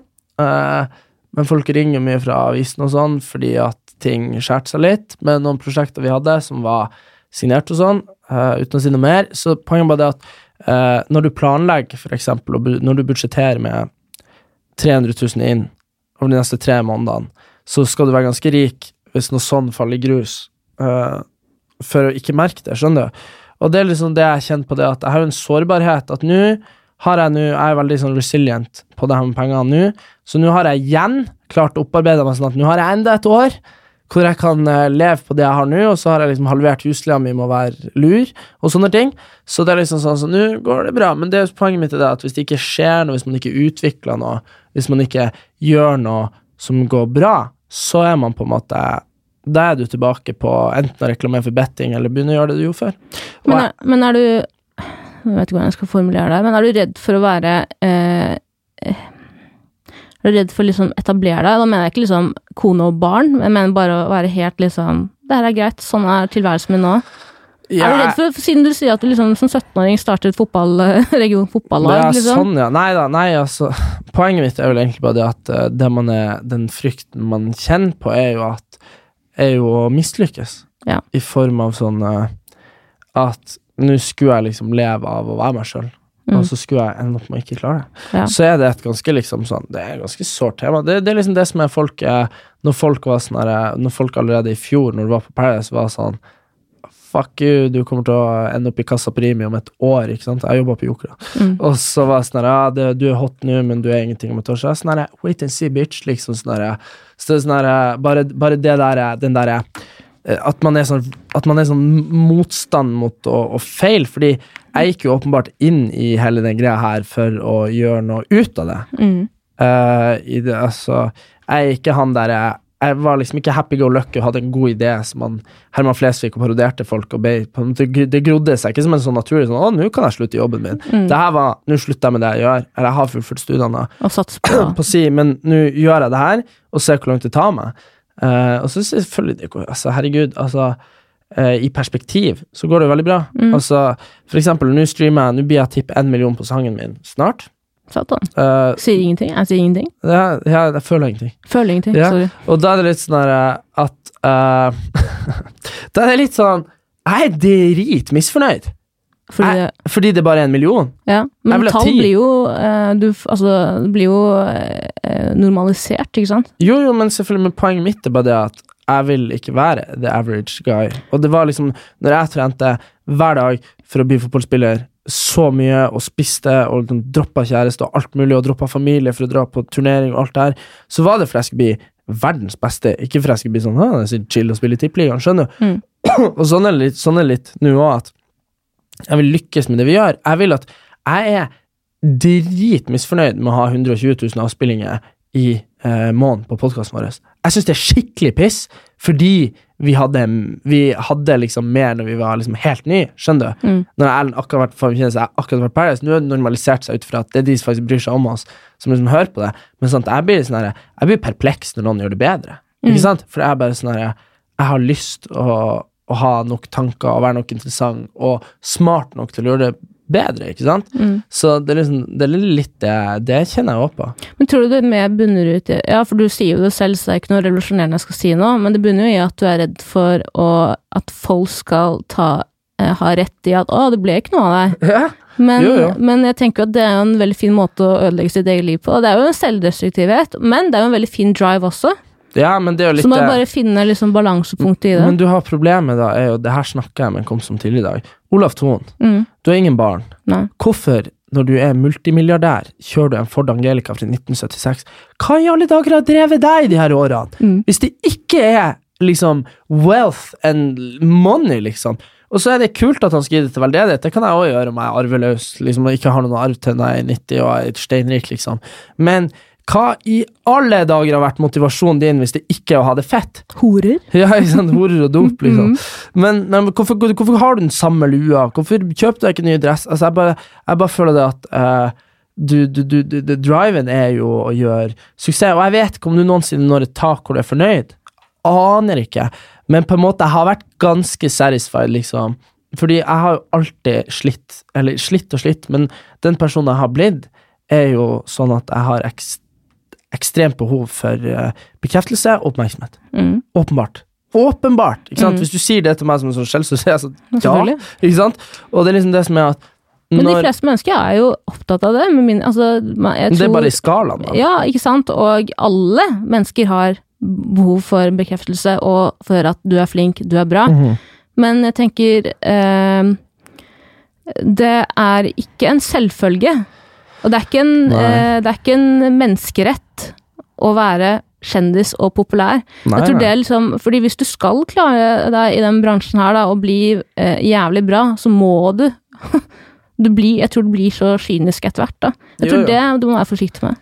Ja, men det er det som er at folk eh, Jeg tror ikke folk eh, erkjenner liksom uh, Ja da, jeg tror nok at det kan være Altså, nå har jeg vært Nå har jeg vært veldig nært på veldig mange bloggere, eh, og de liker å fremstille det som at det er veldig lett, Mm. men en mer klaustrofobisk, stressende, jævlig fuckings tilværelse det, enn å være blogger finnes ikke. De for det første jobber de ræva seg. Prøv du å skrive 1000 ord hver dag om ingenting! Skjønner du? Mm. Altså Her syter jo jeg på at jeg har semesteroppgave eller bacheloroppgave på 5000 eller 7000 ord. Det er en gang i året. Men, men antall ord de produserer, så kan folk si sånn ah, men de er rosabloggere, de snakker ikke om noen ting. Så er det liksom blanding av det, og så kan du mene noen ting. Men det her å mene noen ting, eller synes noen ting, eller fortelle noen ting nytt, eller et eller annet interessant, og den dagen du slutter å skrive om eh, sex eller operasjoner eller utseende eller kjærester eller du ikke har noe sterkt du mener noe om, vet du hva, da detter du ned på blogglista, og så er du til slutt arbeidsløs. Det er en stressende faktisk tilværelse, men likevel, jeg kan innrømme at ja da, at de er multimillionærer, noen av de unge jentene, er jo litt sprøtt, ikke sant? Men samtidig, det den ellers i en sånn bransje, så er det liksom så er det sånn at du, du må jobbe steinhardt. Alt fra komikere til liksom reality-kjendiser til eh, de, de som er youtubere, er jo de jeg virkelig har respekt for. De som er unge mennesker som har jobba seg opp. ikke sant? Og, og jobber og redigerer. De har en jobb, de har fulltidsjobb med seg sjøl. Og produserer content. ikke sant? De er jo både regissør, produsent, klipper og hovedperson i en i en, liksom, i en film, nesten. ikke sant? De har jeg respekt for, for de, de jobber ræva seg, og det er det jeg mener at må, man skal ha respekt, fordi hvis du er kjendis, og du har klart å være der i ti år, og du lever av noe obskurt som ikke folk kan sette fingeren på, som å være skikjører eller fotballspiller eller et eller annet Hvis du klarer å holde deg de her ti årene uten, å, uten at folk egentlig har helt på hva du gjør, så gjør du faen meg noe rett. Jeg jobbet jo med, i TV fra jeg var sånn 18, og fikk en ganske liksom bra mulighet. Fra, Og var liksom veldig på øh, Følge av på toppen av verden. Det var jo ingen, det var ikke så mange som visste hvem jeg var. Men for meg Nei. var det jo dritstort, og levde veldig bra på det noen år. Og eh, var utrolig liksom narsissistisk, og tenkte eh, Stakkars meg, alt burde komme til meg. eh, og det satt jævlig langt inne å få seg en helt vanlig jobb. Eh, For jeg tenkte ja, men herregud, jeg må drive med underholdning, jeg må gjøre det, fordi jeg har gjort det. Og herregud, hvorfor skal ikke jeg gjøre det? Ja. Og med en gang du begynner å jobbe i servicebransje, altså ordentlig servicebransje, etter du har liksom hatt en ganske chill jobb, som er helt Ja. jævlig òg, for du er jo stress, det er jo aldri vært Jeg har aldri så stressa som når jeg jobber Nei. innenfor TV, eller om det er med skriving, eller hva det er. Ja. Men da begynner du å tenke sånn, ja, fuck. Det her er, eh, det her er faktisk livet. Og jeg mener oppriktig, jeg, si, jeg mener ikke å skimse av jobbene til influensere eller bloggere eller youtubere, Nei. men det er en, altså, man blir og er litt narsissist hvis man klarer å holde på med det, hvis man holder på med det i flere år. Og det er det jeg mener, at det er ikke en menneskerett Nei, nei. å ha de jobbene heller. Men jeg vet ikke, jeg syns det er, det er sånn veldig spennende. sånn og for de har- kan jo ikke slutte jobben heller, for de har jo brent så mange broer. Altså, du kan ikke Ja. gå inn i et normalt arbeid. Men det er jo sånn som uh, de vennene mine som lever av eh, på en måte uh, De som lever utelukkende av YouTube, de er jo gjerne ikke kjendiser. Nei. Ikke sant? De er jo kjent i sin egen boble. De er kjent i sin egen boble, men de igjen da, de har på en måte Jeg har en kompis som starta på null, og nå har han Mm. 1000 subscribers. Som er ganske sjukt. Det er tusen mennesker som aldri har fulgt han, liksom, som gjør det nå. Så gir han Eh, shout-out til han nå, eller? Nei, ja. Nei, men han har liksom Han, han gamer, da. Det er det han gjør. Og så streamer han og sånn. Jeg bare tenker sånn han jobber, Hvis han en dag klarer det, så vet jeg at han har lagt inn 2000 timer med spilling for å bli så god at folk gidder å se på han. Og så har han streama det, og så har han på en måte uh, blitt interessant nok og flink nok og sånn til å klippe og sånn at hvis han en dag lykkes ordentlig, så har han virkelig fortjent det. Og det er det jeg mener med de her de influenserne som er influensere. De influenserne som kommer opp gjennom trening, de som kommer opp. Og det er det, det, er det de her TV-influenserne aldri gjerne aldri skjønner, som på en måte jeg kanskje skal være dristig nok til å si jeg skjønte. For mitt produkt har jo i stor grad vært uh, podkasten min, eksempel. Som jeg har lagt mye tid og energi. uh, som kanskje ikke har vært like viktig for han Erlend i form av at han har jo han har jo sine foredrag og sine standup-show uansett, ikke sant? Uh, så det er veldig sånn mm, Det er veldig forskjell på folk. Men det ser du sånn som meg, da. Jeg har vært heltidsstudent i tre år. eh, to, jeg har to hele år, da, og så et halvt år, og så var jeg på Perra, og så har jeg tatt bachelor nå, da. I tillegg til det jeg gjør nå. Men uh, jeg, jeg har jo vært det, og kjent på hva, hva slags arbeidsmengde det er. Og så vil noen være sånn Å, statsvitenskap-billett. Så er det sånn Fuck you, no. Det jeg skulle likt det jævla Siving-ræva di skulle komme og f- lært lært meg om Karl Marx, liksom. Men uansett. Og for det er så kjedelig. Men uansett. Og så har du liksom uh, så, Men så har jeg jo også vært eh, museumsguide. Som er sånn utelukkende den beste jobben jeg hadde, for da fikk jeg prata i en time i strekk hver gang det var guiding. Mm. Hva slags museum? Mm, uh, Arran Lulesamisk museum. Så det var sånn uh, Sa... Ja, samisk. Ja. Mm. Så du lærer det er sånn samisk kulturforkynnende. Det er sånn eh, på et eller annet vis privat, men på et eller annet vis statlig. Jeg Måtte du gå i kofte? Nei, det var ikke dress code i det hele tatt. Jeg kunne gå i det jeg ville, egentlig. Jeg gikk i joggebukse, som var helt chill.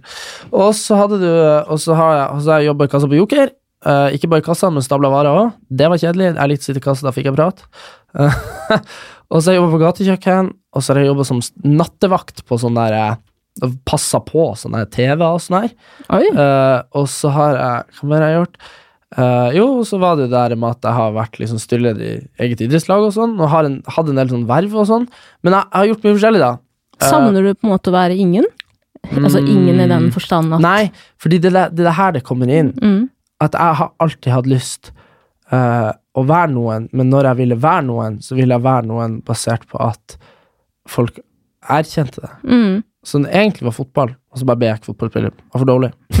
og så sånn her, men da var det sånn her Ok, men da, så det er derfor jeg liksom Det er derfor jeg er flau over liksom hvor dårlig liksom hvor dårlig jeg har vært å redigere på YouTube, hvor dårlig jeg har vært å få ut videoer på YouTube. Alle de tingene der, ikke sant. Bare skyt sånn flau. Så det er derfor jeg Og så har man liksom vært deprimert, og så har man liksom gått gjennom samlivsbrudd, og så har man gått gjennom liksom dødsfall og alt det her. Og så liksom nå først har jeg liksom fått liksom tatt litt tak i meg, for, uh, med liksom både musikk og YouTube-konsepter og sånn her, at det er noe som jobbes med timer i forkant, liksom flere timer etterkant, timen når. Altså musikken, bare, bare Vi har holdt på siden januar med den låta nå, og så er den sikkert Folk blir sikkert ikke og synes den er bra engang. Skjønner du, Vi har liksom virkelig lagt sjela i det, og vi har jobba så mye, og det har vært frem og tilbake, og det har vært sendt inn, og så blir det sendt tilbake, og så har det vært sånn Det må endres, og det må vi gjøre, og det har vi lyst til å endre på, og sånn her. Og det jeg mener at Så det er derfor jeg liksom helt liksom Nå er det fallhøyde for meg om ikke det nye konseptet mitt, The Rant på YouTube, funka, og hvis ikke den nye, liksom, den nye sangen hvis den går dårlig, så er jeg sånn Da er, faller jeg fort mellom i kjelleren, liksom. Mm. Fordi nå har jeg lagt sjela mi i det, Mm. og da er det litt sånn Det er liksom alt å tape, nesten. ja, alt å tape, og det er det, det, er det jeg mener med sånn som Mats Hansen gjorde med Sommerkroppen. Han hadde jo ingenting å tape, for han la jo bare, det var bare ironi, humor og null sjel i det. Ikke sant? Det var liksom bare går det her dårlig siden ingen skal si noe, for det er et veddemål. Skjønner du? Uh, mens jeg som på en måte alltid hadde lyst til å drive med musikk, uh, og liksom alltid har spilt gitar, og alltid har vært han dusten på UKM, på kulturskolekonserter, på liksom var med i TenSing for å få synge og rappe og sånn, ikke sant? Jeg har alltid vært han fyren, for det er åpenbart like oppmerksomhet nå, ikke sant? Men, men liksom, jeg har alltid vært interessert i det, og når, når da jeg liksom satt med det og var sånn, nå har jeg lyst til å lage noe, og så har jeg lyst til å lage noe som jeg syns er kult, så er det sånn, jeg kunne jo åpenbart ha laga noe som var veldig mye mer kommersielt, noe som var sånn som Martine Lunde og han Kevin Boine lager en låt som heter Swipe Up nå, som er en sånn ironisk type. Egentlig en liten sånn uh, di, Ja, den er veldig bra, men den er liksom en sånn ironisk distansering til liksom bare Og Martine bare sånn Du må ta bilde av maten din, det er jo det vi lever av. Ikke sant? Så er det sånn Nei, Martine, jeg vet at du stresser deg i hjel på Farmen med liksom jobben din, liksom, fordi at du følte du mista lesere, og det var så kritisk, og du Alt det her, ikke sant? Og så gjør det til en sånn bekymringsfri greie, men fordi at folk vil ha eh, sånn Selvironi og humor er jo ting som slår godt an, og det er liksom Og, og man kunne fort Jeg kunne fort egentlig ha laga mye mer sånne ting, sant? Men det er liksom Jeg vil heller formidle det jeg føler og tenker. Og så nå kommer neste låt, som er veldig lite Veldig lite dyp. Ikke sant? Men det skal være sommerlåt, så da tenker jeg at jeg uironisk faktisk kan gi ut en sommerlåt. Og så tenker jeg litt sånn, ok, Driver du med det, det jeg skulle spørre med i stad, sånn som musikk man får mye, altså Dere får mye dritt nå for at alle Mm. ja, gir det er ikke sang. min feil at alle andre gir ut dritt. Fuck men, dem, liksom. Men eh, har du alltid liksom eh, Og jeg driter jo i det, jeg tenker jo Ja. å gi ut musikk hvis du vil, men for deg er det Uh, Har det alltid vært en interesse der? Er det litt sånn Ja, som at du, var- du har en drive? sånn- drive? Ja, det var litt sånn som at uh, Greia var at jeg måtte velge da jeg var sånn 16. Skulle jeg bruke uh, 30 timer i uka på fotball, så var det ikke noe tid å dyrke på musikk, ikke sant? Og så er det sånn at da, da la jeg jo liksom gitaren min til sånn 15 000 kroner, som jeg hadde spinkla spart for hjemme. Og så, og så var det liksom sånn at jeg sto opp, jeg gikk i dresslinja, kunne vi starte med to timer svømming, og så kunne vi ha to timer fotball. Uh, de var gjerne på samme dager, var vanvittig tjene. Og så kom du hjem, og så var det å hive i seg mat, for du var konstant underernært. Vokste du på Auschwitz, eller? Nei, nei, jeg bodde alene på hybelen da jeg var 15. Og, så, uh, og så dro du videre på fotballtrening. Og så, da hadde jo tilbakelagt til sammen seks og en halv time trening, plutselig. Og så var det det her med at hvis du skulle bli best Alle de andre i klassen har gjort akkurat samme den dagen, så måtte du jo trene mer. Så vi gikk jo rundt og var liksom de, Vi som virkelig ville bli noe, vi gikk jo rundt og trente altfor masse og var altfor sliten, og sånn her, og det er jo faktisk en helt annen sånn idrettskritisk greie som er veldig diskutert i sånn fotballmiljø og sånn, at ungdommene trener for mye, og de får for mye press og sånn. Men det var liksom, jeg førte treningsdagbok, og jeg lå ofte på over 30 timer i uka. For det var ikke aktuelt å stå over, for da det her, Du kan se på det som en sånn eh, tvangslidelse. Hvis, hvis jeg satt på benken på en kamp, da, og så kom det folk og så på, så var det kjempeflaut, så jeg måtte være på trening. Og kunne ikke skulle skolen, for da fikk du karakter, og så måtte jeg trene ekstra fordi jeg skulle bli best i verden. ikke sant? Og da, da blir det litt sånn Da måtte jeg ta et sånt valg at musikken var ikke noe jeg kunne følge opp, men jeg var jo korleder. Du er jo ikke korleder av et sånt derre Hvem ja. er du egentlig? Jeg skjønner ikke. Hva, hva, er det du ikke har gjort? Nei, men det, er sånn, skjønner du? Det er det jeg mener. at Men faen, du driver deg selv for altfor hardt. Faen, du slapp av litt, da. Bare Nei. gjør én ting. Ja, men det er det jeg mener. Jeg, nå har jeg valgt enda en ting. ikke Du sant? kommer, jeg lover deg. Skal jeg, se, skal jeg være litt sjaman Du, Durek her nå? du, kommer, du ser meg med sprøyta på plata. på. Nei, ikke, jeg mener ikke deg, men, men du kommer jo, og det, er, det vet du jo selv òg, da. Men hvis du holder på sånn, så kommer du faen meg til å møte veggen. Ja, ja. Jeg sier jo ikke at du ikke skal eh, gjøre det du liker, og ikke, du skal jo selvfølgelig ha en drive, mennesker uten drive er jo de som også blir deppa igjen. Ja. Men eh, jeg tror du liksom du lurer deg selv litt hvis du tror at du må gjøre alt der. Nå skjønner ja, Ja, du snakker om deg selv i eh, I fjerde person. Ja, og, og i fortid, liksom. Men det er jo fortsatt samme Ja, ja, krefter innabords. Ja, selvfølgelig. For jeg tror var, du glorifiserer det overfor deg selv, da. ja, men det er jo det som er man Psykoanalyse. ha. Ja, men har du sett liksom sånn herre Det som trigger meg mest, er jo liksom sånn herre ah, Sånn herre teite sånn herre Har du sett Never Back Down? Nei. Ja, det er, sånn det film? Der, Ja, det er en, en MMA-film. Veldig forut for sin tid, for den kom ut for 10-15 år siden. Nei, nei. Men det, var, det er en fiksjonsfilm. okay. om en fyr som bare Han, han eh, Det var en sånn viral video på YouTube at han er fotballspiller, sånn amerikansk fotball, og så blir det en slåsskamp på banen, og så har liksom faren akkurat dødd. Sånn banka jo han der fyren, ikke sant? Og så flytta han til en ny skole, high school i sånn USA, og så går denne videoen, og alle er sånn Å, se på han der, er han tøffe fyren, ikke sant? Men så er de guttene som går på den skolen, er tydeligvis sånn MMA-miljø, så de får det jo som sport å liksom gi han steinhjuling fordi de liksom Du skal ikke tro du er kul bare for du er internettkjendis, skjønner du? Vi er MMA. ja, ikke sant. Vi er sånn, vi trente hver dag i 15 år, Mm. og så møter han en sånn fyr som er sånn mistenkelig lik alle mørke menn som er sånn inspirational i filmer. Mm. Og han fyren er sånn You have to find the power inside yourself. ikke sant? Og så liksom løfter han bildekk og det hele Mhm. rocket. ikke sant? Og han liksom løper hver dag, og han liksom trener sykt mye. Og så har du han treneren som er sånn You will never use this against someone if you don't need it. ikke sant?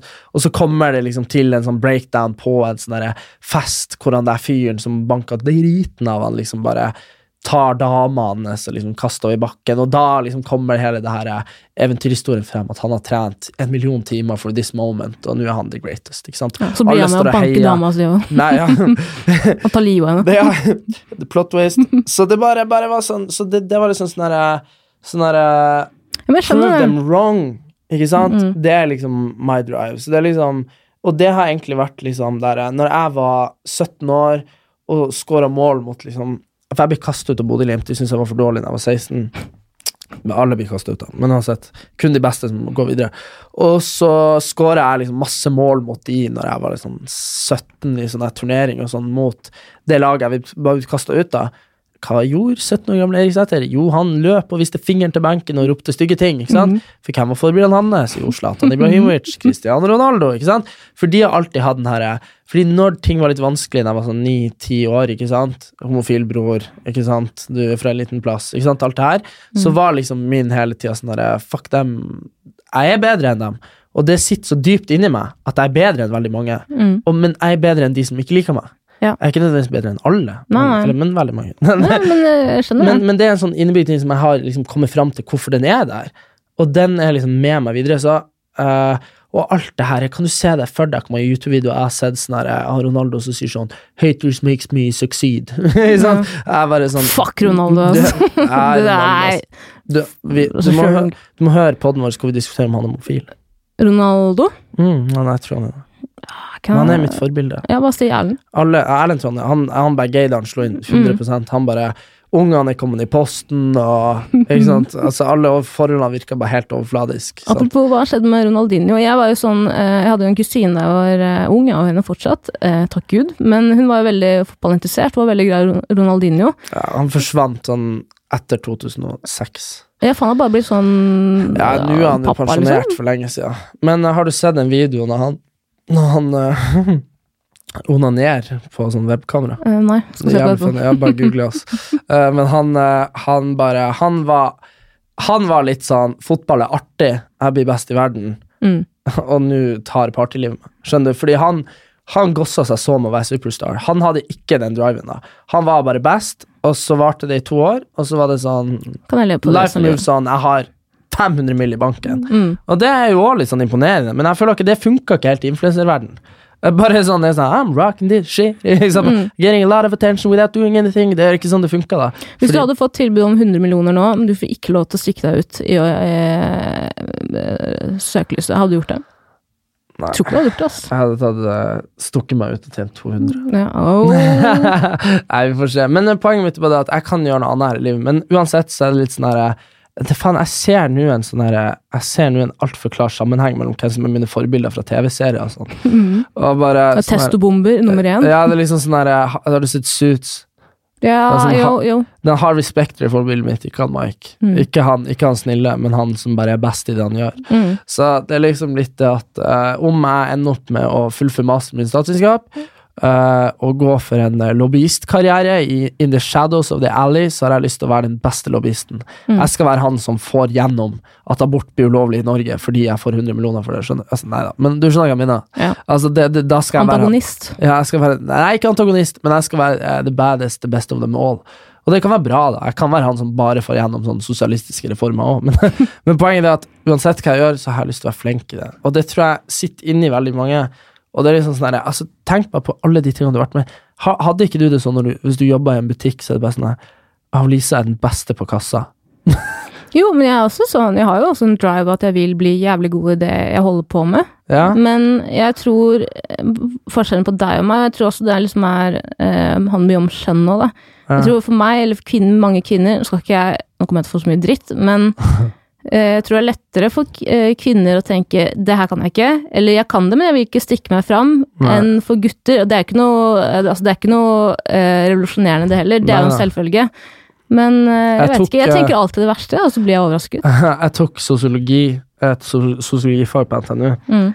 og da var det jo en del av forskninga sa jo det at når det kom til kvinner og sånn derre eh, lønn og Men særlig sånn det her med kvinner i toppjobber, Mm. så var det jo ofte det at eh, kvinner var rett og slett ikke interessert i, i å ha en major, stressende, jævlig hverdag hvor de måtte sparke folk og kjennes og eh, I mindre grad enn menn, da. Som Ja. var mye mer styrt av det her med det her dominansebehovet sitt, ikke sant? Og så er jo kvinner ofte mer følelsesdrevet enn menn er. Ja. Og menn har ikke Nå er det bare altså, stereotyper her, men uh, Menn har ikke Altså eh, millionærhaier. Ja. Det er jo ofte folk som ikke har noe problem med å skjære over folk, og det er det jeg mener. Du skal være jævlig forsiktig med det. Ja, Fordi hvis du driver altså, Som et lite land i Norge som, et Norge, ja, som et land i Norge, så kan du ikke gjøre det. Du kan ikke være rasshøl mot alle møter. eh, hvis, jeg, hvis jeg dreper eh, Hvis jeg dreper han eh, Herman Flesvig, Mm. Mats Hansen, Vegard Harm, Alexander Sæterstøl, Henrik Borg Men da er det Ila fengsel. Nei, vent. Og så hvem andre skal vi ta? Bare Frank Løke? alle Nei, Frank Løke er ikke en konkurrent. Uh, og så bare Er det noen andre menn som er mer kjent enn meg i min uh, typ min aldersgruppe i Norge? Hvis jeg, hvis, jeg bare, hvis jeg bare får alle de blir sånn assassinated, bare Mm. sånn over natta, blir jeg for sykt mye mer oppmerksomhet da? Du blir jo en talsperson da, for falne menn. ja. ja, men bare sånn litt litt Ja, sånn men er det, er det da uttalt at du har uh, Nei, for du, ok, det er leiemord. Ja, ja, nei, jeg kan ikke drepe det Dark selv. web? Aha. Ja, jeg bare sånn der, sånn der betaler sånn IS-krigere for å komme og liksom bare sånn Jeg bare de, These are the jihadi in Norway. Ja. Ikke sant? Og så bare uh, Bare Nei, hva er vantro på uh, Hva er vantro på arabisk, vet du? Uh, faen er? Kafir? En, eh, ja, vet da faen. Anyway, det er et ord for vantro. Jo, jeg tror det er kafir. Ja, jeg tror sånn, bare sånn, det her er de gutta. De, de de Mm. verste. De promoterer bare sånne bra ting. Men uh, uansett, nei, så liksom bare, jeg lurer på liksom, hvordan hadde liksom uh, Hvordan hadde hvordan, ha- Har vi en stige hvor folk er plassert ut? Og så er det litt sånn at hvis du fjerner folk, så rykker folk opp? Altså en hierarki, liksom? Ja, er det, er det liksom det vi har, eller er det sånn Det er litt sånn interessant når det kommer til kjendiser, fordi det der, det der er Altså, jeg bare tenker på sånn som for alle bloggere. Hvis du har fjerna Martine Lunde og Sofie Elise, Mm. hadde det ikke blitt ganske mange annonsekroner som skulle ha gått ut, Ja. som hadde gått til noen andre? Ja, men det, men øh, det norske influensere og kjendiser må liksom innse, da, at de er veldig lett å bytte ut. Mhm, ja, ja, De er ikke så interessante. Nei, nei, nei. Hele verden handler ikke om dem.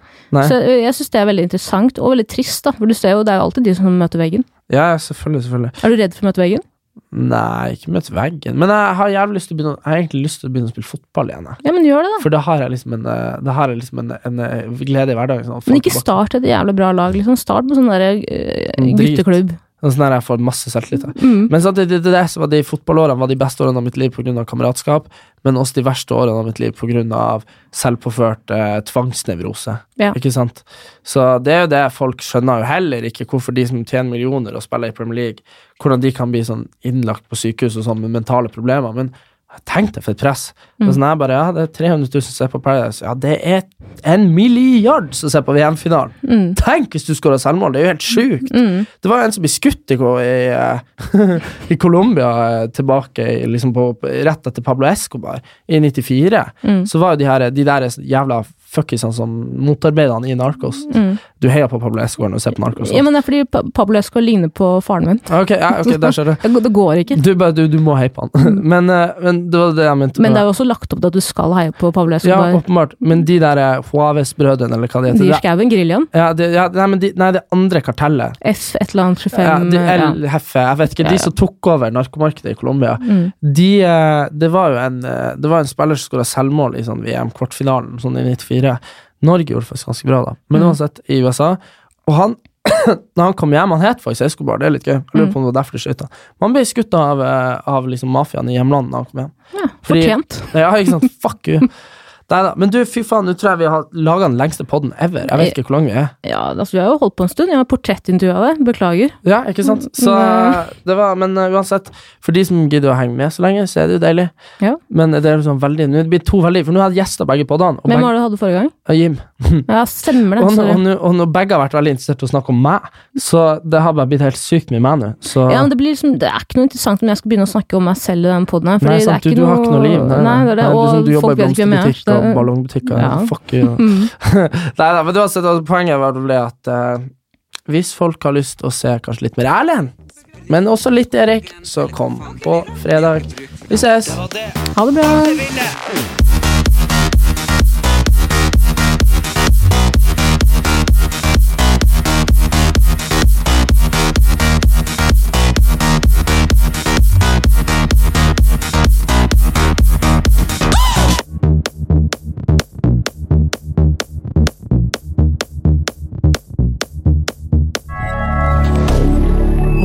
Media. Ukens annonsør er Folio, en smartere banktjeneste for deg som har en egen bedrift eller ønsker å starte for deg selv. Folio er en superenkel nettbank for bedrifter. Som kunde i Folio får du en bedriftskonto med et bedriftskort og app. I denne appen er det smarte løsninger som forenkler regnskapet ditt, uansett om du har en liten bedrift eller et enkeltpersonsforetak.